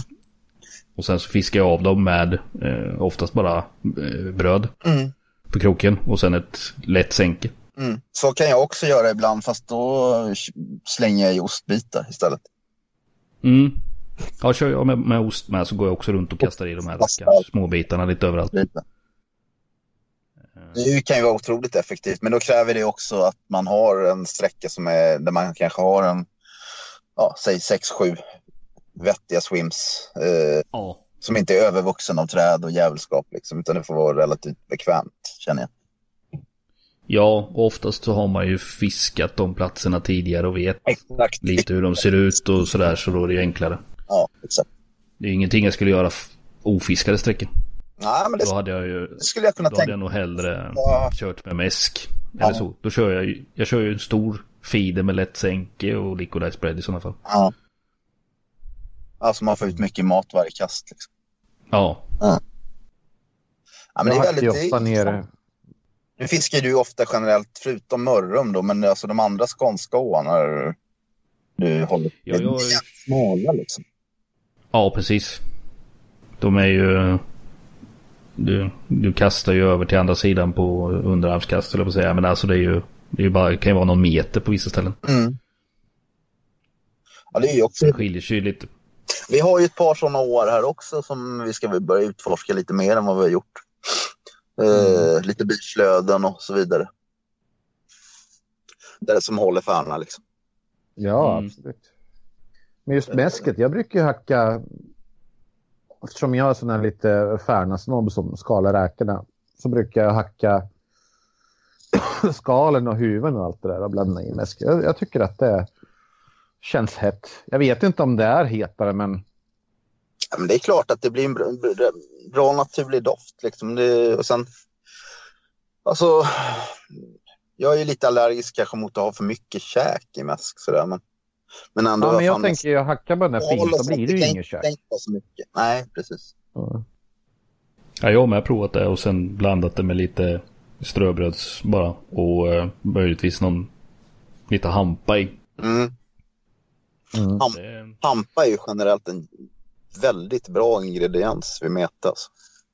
Mm. ja. Den har man ju ofta i, Jag använder det jättemycket till, till allt möjligt. Men det gör jag med. Jag har börjat göra mer och mer. Alltså. Mm. Det är lätt att göra i stora mängder och förbereda och... Ja, jag är för bekväm. Jag köper alltid sådana här jars eller burkar. Ja, jag, jag brukar göra en batch på några kilo och sen fryser jag in. Mm. Ja, men de säger ju att färsk hampa är ju outstanding. Men jag har inte märkt någon större skillnad faktiskt. Nej, inte så. Jag har med kört de här burkarna och jag har gjort själv och tagit med det direkt och sådär. Jag vet inte om jag märker någon jätteskillnad. Samtidigt så blandar man oftast ut det med mycket annat. Så är det. Någon Men- gång kanske man skulle testa bara köra med det. Ja, Ursjön har jag kört bara hampa något pass. Tror jag, blank, Mm. tror jag blanka helt i och för sig, men, men nu... Svinhett alltså. Ja. Ja, där ska jag nog inte ha mäsk med mig överhuvudtaget nästa gång. Vi pratade väl om det. Vår förra podd eller vår. Ja, jag tror det var med ros va? Ja, det känns ju som att det är nästan hetare att bara loosfeeda med lite pellets eller någonting. Ja, men det är ju typ hampa och pellets brukar jag köra. Ja, lite sånt där små skit som man kan kasta. Bara försöka, Mm. försöka dem att få börja... Alltså rutorna där. När de väl börjar äta så känns det som att de inte är jättesvåra att fånga. Ja, men så att- är det. Ja, och så just att kasta i någonting som är lite mer matnyttigt, pellets så... För pellets är bra för de är borta till nästa dag sen. De är borta efter några timmar bara. Mm. Alltså, Mm, ett, ett, ett tips som jag kan ge till någon som ska bes- besöka Ursjön om funderar på all, och aldrig har gjort det innan. Det är att lära sig att loda sitt flötmete för det är otroligt varierande djup där. Och det kan vara Mm. ganska viktigt att eh, man har koll på, på hur man gör det. Det Mm. jag är ett väldigt bra tips. Just Ja, där. presentationen är ju det viktigaste som, som man Ja, har. men det är, det är just därför tycker jag det är så lurigt för botten. Alltså det skiljer sig så otroligt mycket. Det är som att det är stora hål och det är ja, jättemärkligt. Alltså. ja, samma- fast de är ju inte så stora. Det är ju bara fem centimeters skillnad. Så då känns det som att det är en ocean av skillnad. För att Malode är ju så jävla nära så att flyttar du på flötet och det är två centimeter djupare då försvinner ju flötet. Ja, då försvinner ju flötet. Det är sant i och för sig. Mm. Men det Så är, det- alltså, jag tycker ändå att, eh, att man ska lära sig det innan. Att man inte behöver göra det där på plats. För då kan man losa självförtroendet lite så. Mm. Köpa swimmingpool, det är ju bra tips. För där kan man ju loda och fixa och dona hur mycket man vill. Det är faktiskt jävligt smidigt. Och kör man på strömmen där så kan man ju loda lite för strömmande förhållanden och sånt där också. Så bara därför har du köpt pool. Nej, men vi, vi köpte kåk som råkade ha pool. Eh, en gammal pool som vi rustade upp. Då, så att, eh, det är fantastiskt. Det är klart och fint vatten. Du kan ju, du kan ju testa hur mycket som helst och hålla på och labba. Och, eh, det är faktiskt en... Det var ju trevligt att du inte hade skitigt vatten i din pool, Tommy. Det var, det var bra. Ja, Nej, men det blir ju så, för jag sa till tjejerna, fan kan vi inte ha karp och, eller vad heter det, sutar och ruda damm där istället? Men hon var inte alls pepp på den idén. Det hade ju annars varit jävligt häftigt att ha en tiokantig rudadamm mitt på altan. Ja, det hade varit klockrent. Ja, det hade varit lite oväntat också. Ja. Och så bara mata dem varje dag och skjuta ut, slanga ut pellets och tills de väger fem pannor allihop. Sen åka och sätta den i ett litet vatten och sen, åh titta, det är svenskt trikå. Ja, precis. Nu har vi pratat i över två timmar här, gubbar. Ja, nu räcker det. Nu har vi fått nog av det, Kalle. Är det så? Tiden går fort. Ja. Men om du inte har något mer att tillägga så eh, får vi väl tacka och, eh, för det här snacket. Det var riktigt trevligt. Ja, men absolut. Det är jag som ska tacka er för att jag fick vara med. Det är alltid roligt att, att prata med er och så vidare. Ja, detsamma. ja. Eh, vi, hör, vi hörs.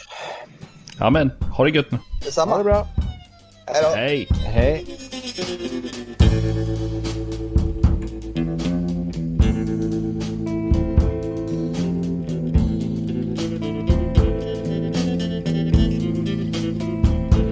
I've had enough of your bullshit to last me a lifetime.